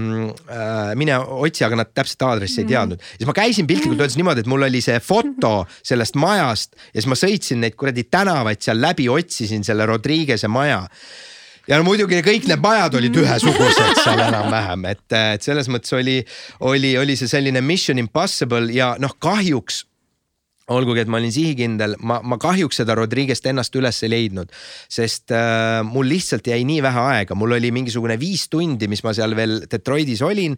oleks ma veel seal kakskümmend neli tundi olnud või, või, või üks või kaks päeva, siis ma arvan, ma oleks selle maja vähemasti üles leidnud mm, ma ei tea, kas ta oleks välja tulnud, see tüüp. ma oleks seal kopsinud nii kaua, eks ole, kui ta oleks akna peale tulnud. aga, aga, aga ma otsisin jah, seda, seda maja selle stillkaadri järgi, mis sealt äh, dokfilmist ma välja võtsin. aga, aga anyways, ilma ilma, ilma selle Rodriguez'etagi tuli, tuli sellest äh, minu meelest äge ja, ja selline mm, südamlik lugu ühest Eesti mehest, kellest siis, kelle, kelle nime oli valanud siis äh, äkitselt maailmakuulsaks saanud äh, Mehhiko artist oma loomingusse. olgugi, et see Heiki oli tolleks hetkeks meie seast lahkunud raske haiguse tõttu, siis ma leidsin ikkagi tema eluloo ja tema pildid tema venna ülesse, kes väga emotsionaalse pisarsilmil intervjuu mulle andis, ma mäletan ja ja see oli tõesti äge lugu ja kogu selle äh,, selle saate äh, tegemise ajal ma väga sügavalt kuulasin äh, hommikust õhtuni selle Rodriguez'e loomingut ja, ja, ja, ja, ja siiamaani kuulan, kuulan hea meelega, et, et need on tõesti ilus, ilus, ilusad laulud ja, ja, ja, ja mulle väga meeldib tema, tema looming see oli äh, tore no. küsimus, selles mõttes mulle see on väga meeldejääv lugu, kuidas ma seda kõike tegin ja. ja lihtsalt seal jah, ütleme paraku noh, ma ikka tagantjärele mõtlesin, kust oleks pidanud ikka selle Rodriguez'e kätte saama, et natukene nagu kripeldab see selles no, mõttes, et aga... kui ma Detroiti satun, siis ma lähen võtan uue stillkaadri ja lähen otsin ta ülesse, et, et lihtsalt ähm, noh, ütleme ka tollal Pealtnägijas ka praegu neid retki tehes on ikkagi see noh, see ökonoomsus, see, äh, see märksõna, kuidas me neid lugusid teeme, et ka seal olles siis USA-s äh, kümme päeva, ma selle kümne päeva jooksul tegin ikkagi mingi neli erinevat Pealtnägija lugu, ma olin Cincinnatis, ma tegin äh, Margus Hundist, jalgpallurist, eks ole mm. lugu, siis ma läksin Detroiti, tegin sellest lugu, siis ma issand, mis ma seal, ma käisin veel Bostonis, tegin sellest GrabCADist lugu, sellest, sellest Eesti idu yeah., idufirma eduloost, et. et ühesõnaga seal kogu aeg nagu see, see nii-öelda tähtaeg oli, oli kukil, nii et mul ei olnud seal nagu ähm, ülemäära seda palju vaba aega, aga ma andsin ennast parima ja ma arvan, ma sain nagu sellest situatsioonist nii-öelda ikkagi võtsin nagu parima välja no loodetavasti sa järgmine kord, kui sinna lähed, leiad yeah., leiad üles yeah.. nii, aga ma küsin järgmise küsimuse äh,. Heelia küsib, kas ajaga läheb teletöö lihtsamaks sest et kõik armastavad sind. või äh, on see üks lõputu enesetõestamine? jah, see on hea küsimus uh eks see on sellel jälle see lati äh, nagu hoidmise küsimus ka, et oma sisetunde küsimus, et ei tahaks ju teha mingit noh crap'i. et, et eks sa pead nagu laveerima ja balansseerima seal nii-öelda noh, mõnes mõttes nagu tärminite ja lepingu maailmas ja samas teiselt poolt selle nii-öelda enese noh, mingis mõttes selle nagu telekvaliteedi maailmas, et, et tegema seda, mis, mis, mis sul endal nagu silma särama lööb ja, ja mis sind paelub ja motiveerib. aga teisest küljest, eks, eks, eks teles on ka mingisugused, ma ütlen, kohustused, et sa pead vot noh, nii mitu saadet tegema ja, ja alati ju kõik need, kõik need kümme või kakskümmend või kakskümmend viis saadet ei ole ju sellised teemad, mis sind võib-olla noh, tõesti tõesti nagu sügavuti äh, huvitavad ja, ja paeluvad, et. et, ähm, et noh, ajapikku läheb loomulikult äh, lihtsamaks see, et kui sa oled ennast tõestanud läbi uudiste, läbi uuriva ajakirjanduse, läbi teledokumentalistika, et siis loomulikult sa ei pea ennast kasvõi äh, läbi telefonikõne inimesele ennast tõestama, et pikalt-laialt seletama, et tere, tere, ma olen Roald Johanson ja teen seda ja teist ja kolmandat, noh inimesed üldjuhul ikka teavad, eks ole. Mm -hmm.. pealtnägijas helistades ka, eks ole, siis inimestel tavaliselt tõmbas nagu põlve värisema või kõhu lahti, et tere, ma olen pealtnägija, siis op, op, op, hääletoon kohe muutus et eks eks selle võrra läheb, läheb lihtsamaks, aga muidugi vastutus on ka suurem. et ega tõesti, nagu me ennist rääkisime, et kui sul on ikkagi autorisaatel enda nimi, siis noh, ei tahaks ikkagi seda latti nagu väga, väga palju alla lasta. et muidugi on, on mingi hetk, see on okei okay, minu meelest, et loomingulises maailmas, et, et kui on, on mingi periood sinu, sinu ähm, äh,, sinu telekarjääris, mis on võib-olla vähem särav, mis on äh, võib-olla rohkem särav, et see ongi nagu okei okay,, et see käibki nagu tõusude ja mõõnadega, aga, aga nagu noh, nii-öelda tuleks olla ettevaatlik nagu päris, äh, päris sellise noh, mingisuguse jama, jama nagu tootmises, et, et, et ähm, et noh, ma, ma võin täitsa nagu siiralt ka öelda, et, et võib-olla see saatesari, mida ma sellesse sügisesse olen teinud ja ilmselt pean ka nüüd olude sunnil järgmisel kevadel tegema Roaldi retked Eestis. ei ole võib-olla olnud äh, viimasel aastal selline minu esimene valik. et minu esimene valik on olnud ikkagi äh, jätkata oma, oma, oma siis äh, nii-öelda välismaist saatesarja globaalsete eestlaste portreteerimist, nende inspireerivate lugude toomist Eesti televaatajateni. et eks see, eks see praegu Eesti reportaažide sünd on, on natuke nagu selline kompromiss. et kompromiss, äh, mille me alles siin hiliskevadel, suve alguses kanaliga tegime, et, et mitte siis nagu olla väga pikalt nagu ka eetrist maas ja, ja pildilt eemal, et ikkagi nagu midagi teha mm. -hmm. et, et, et, et võib-olla tavasituatsioonis ma võib-olla praegu neid Eesti reportaaže ei teeks, vaid keskenduks teisele formaadile, aga, aga noh, ma üritan ka neid tehes ikkagi nagu noh, ütleme, ütleme teha seda nii, et, et ma ei peaks häbinägu äh, tänaval ringi, ringi liikuma ja, ja, ja noh, olgugi, et mul on olnud siin juba telespetsiifiline lugu, siis võib-olla nagu tootmise juures siin, siin mingeid raskeid hetki, siis äh, Äh, siis, siis noh, ma arvan, et, äh, et see, see keskmine tase on ikkagi pigem, pigem nagu fine, pigem üle keskmise. ma arvan, et see ei ole täitsa nagu niimoodi enesekriitiliselt võttes ei ole kindlasti see Roaldi retked Eestis praegu selline äh, mingit epohhi loov ja, ja suurte tähtedega kuidagi Eesti teleajalukku äh, minev äh,, minev kraam, aga, aga ma ütlen veel, et ma ei pea nagu kuidagi silmi maha ka lööma kuna teised küsimused match isid enam-vähem nende asjadega, mida me juba rääkisime, siis mina läheks edasi Roaldi soovitustega mm. -hmm kas see läheb veel edasi, see podcast? no nüüd on meil on viimane, viimane asi, aga nüüd sa võid olla ülikonkreetne. soovitused. nii, soovitused. üks asi, mida iga inimene peaks elus ära õppima. ma pean ütlema ühe sõna või no.? üks asi, mida ära õppima uh, ah, kuidagi nagu, kui vaimsetest asjadest rääkisime, mulle meeldiks selline sõbralikkus, empaatiavõime on tegelikult õpitav, ma tahaks ikkagi rõhutada seda, et see on õpitav, mhm. et seda võib treenida ja, ja ma saan aru, et mingil määral on see ka nagu võib-olla öö, sotsiaalsest taustast kuidagi kaasa tulnud oskus, aga see on õpitav, ma tahaks rohkem, et inimesed õpiksid sõbralikkust ja teineteisega arvestamist. väga hea. ilus. üks Netflixi seriaal, mida soovitaksid vaadata The Last Dance. jaa. aga ka, aga ma vaatasin ära ka Tiger Kingi Jeesus Maria, no ei ole võimalik, ei ole võimalik sellised karakterid, et need on kaks, noh, mis viimase aja sellised, ma, ma ei ole, ma nagu ma ütlesin, võib-olla väga sage vaataja, aga, aga no tõesti, Last Dance oli super. mina küll isegi Los Angeles Lakersi fännina, eks ole, alati Michael Jordan, Chicago Bulls on olnud nagu suured äh, rivaalid äh,. siis ikkagi nagu suhtun suure respektiga nagu sellesse üheksakümnendate Bullsi tiimi ja, ja, ja noh, see, kuidas on see tehtud ja see Jordani arrogants, eks ole äh,, see kõik on nagu väga äge ja muidugi Tiger King, ma ütlen, oleks sellised vennad, sellised karakterid Eestis, ma teeks sellest oma reality show. otsi veel, Roald, otsi, otsi. see on, see on, see on nagu niimoodi pisarateni võib seal naerda ja mõelda, no ei ole võimalik sellised inimesed, no ei ole võimalik, ei ole võimalik. aga see on, on.. nii ja võimalik on see, et me oleme jõudnud viimase küsimuseni ja sinu raamatusoovitus.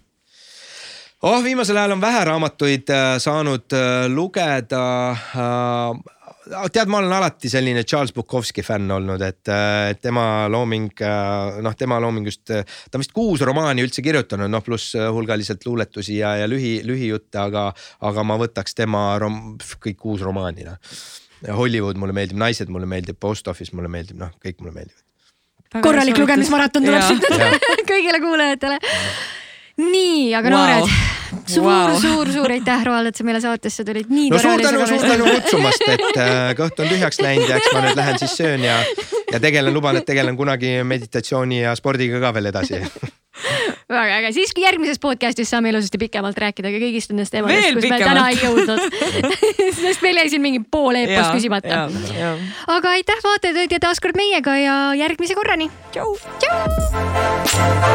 Sportland, Be First podcast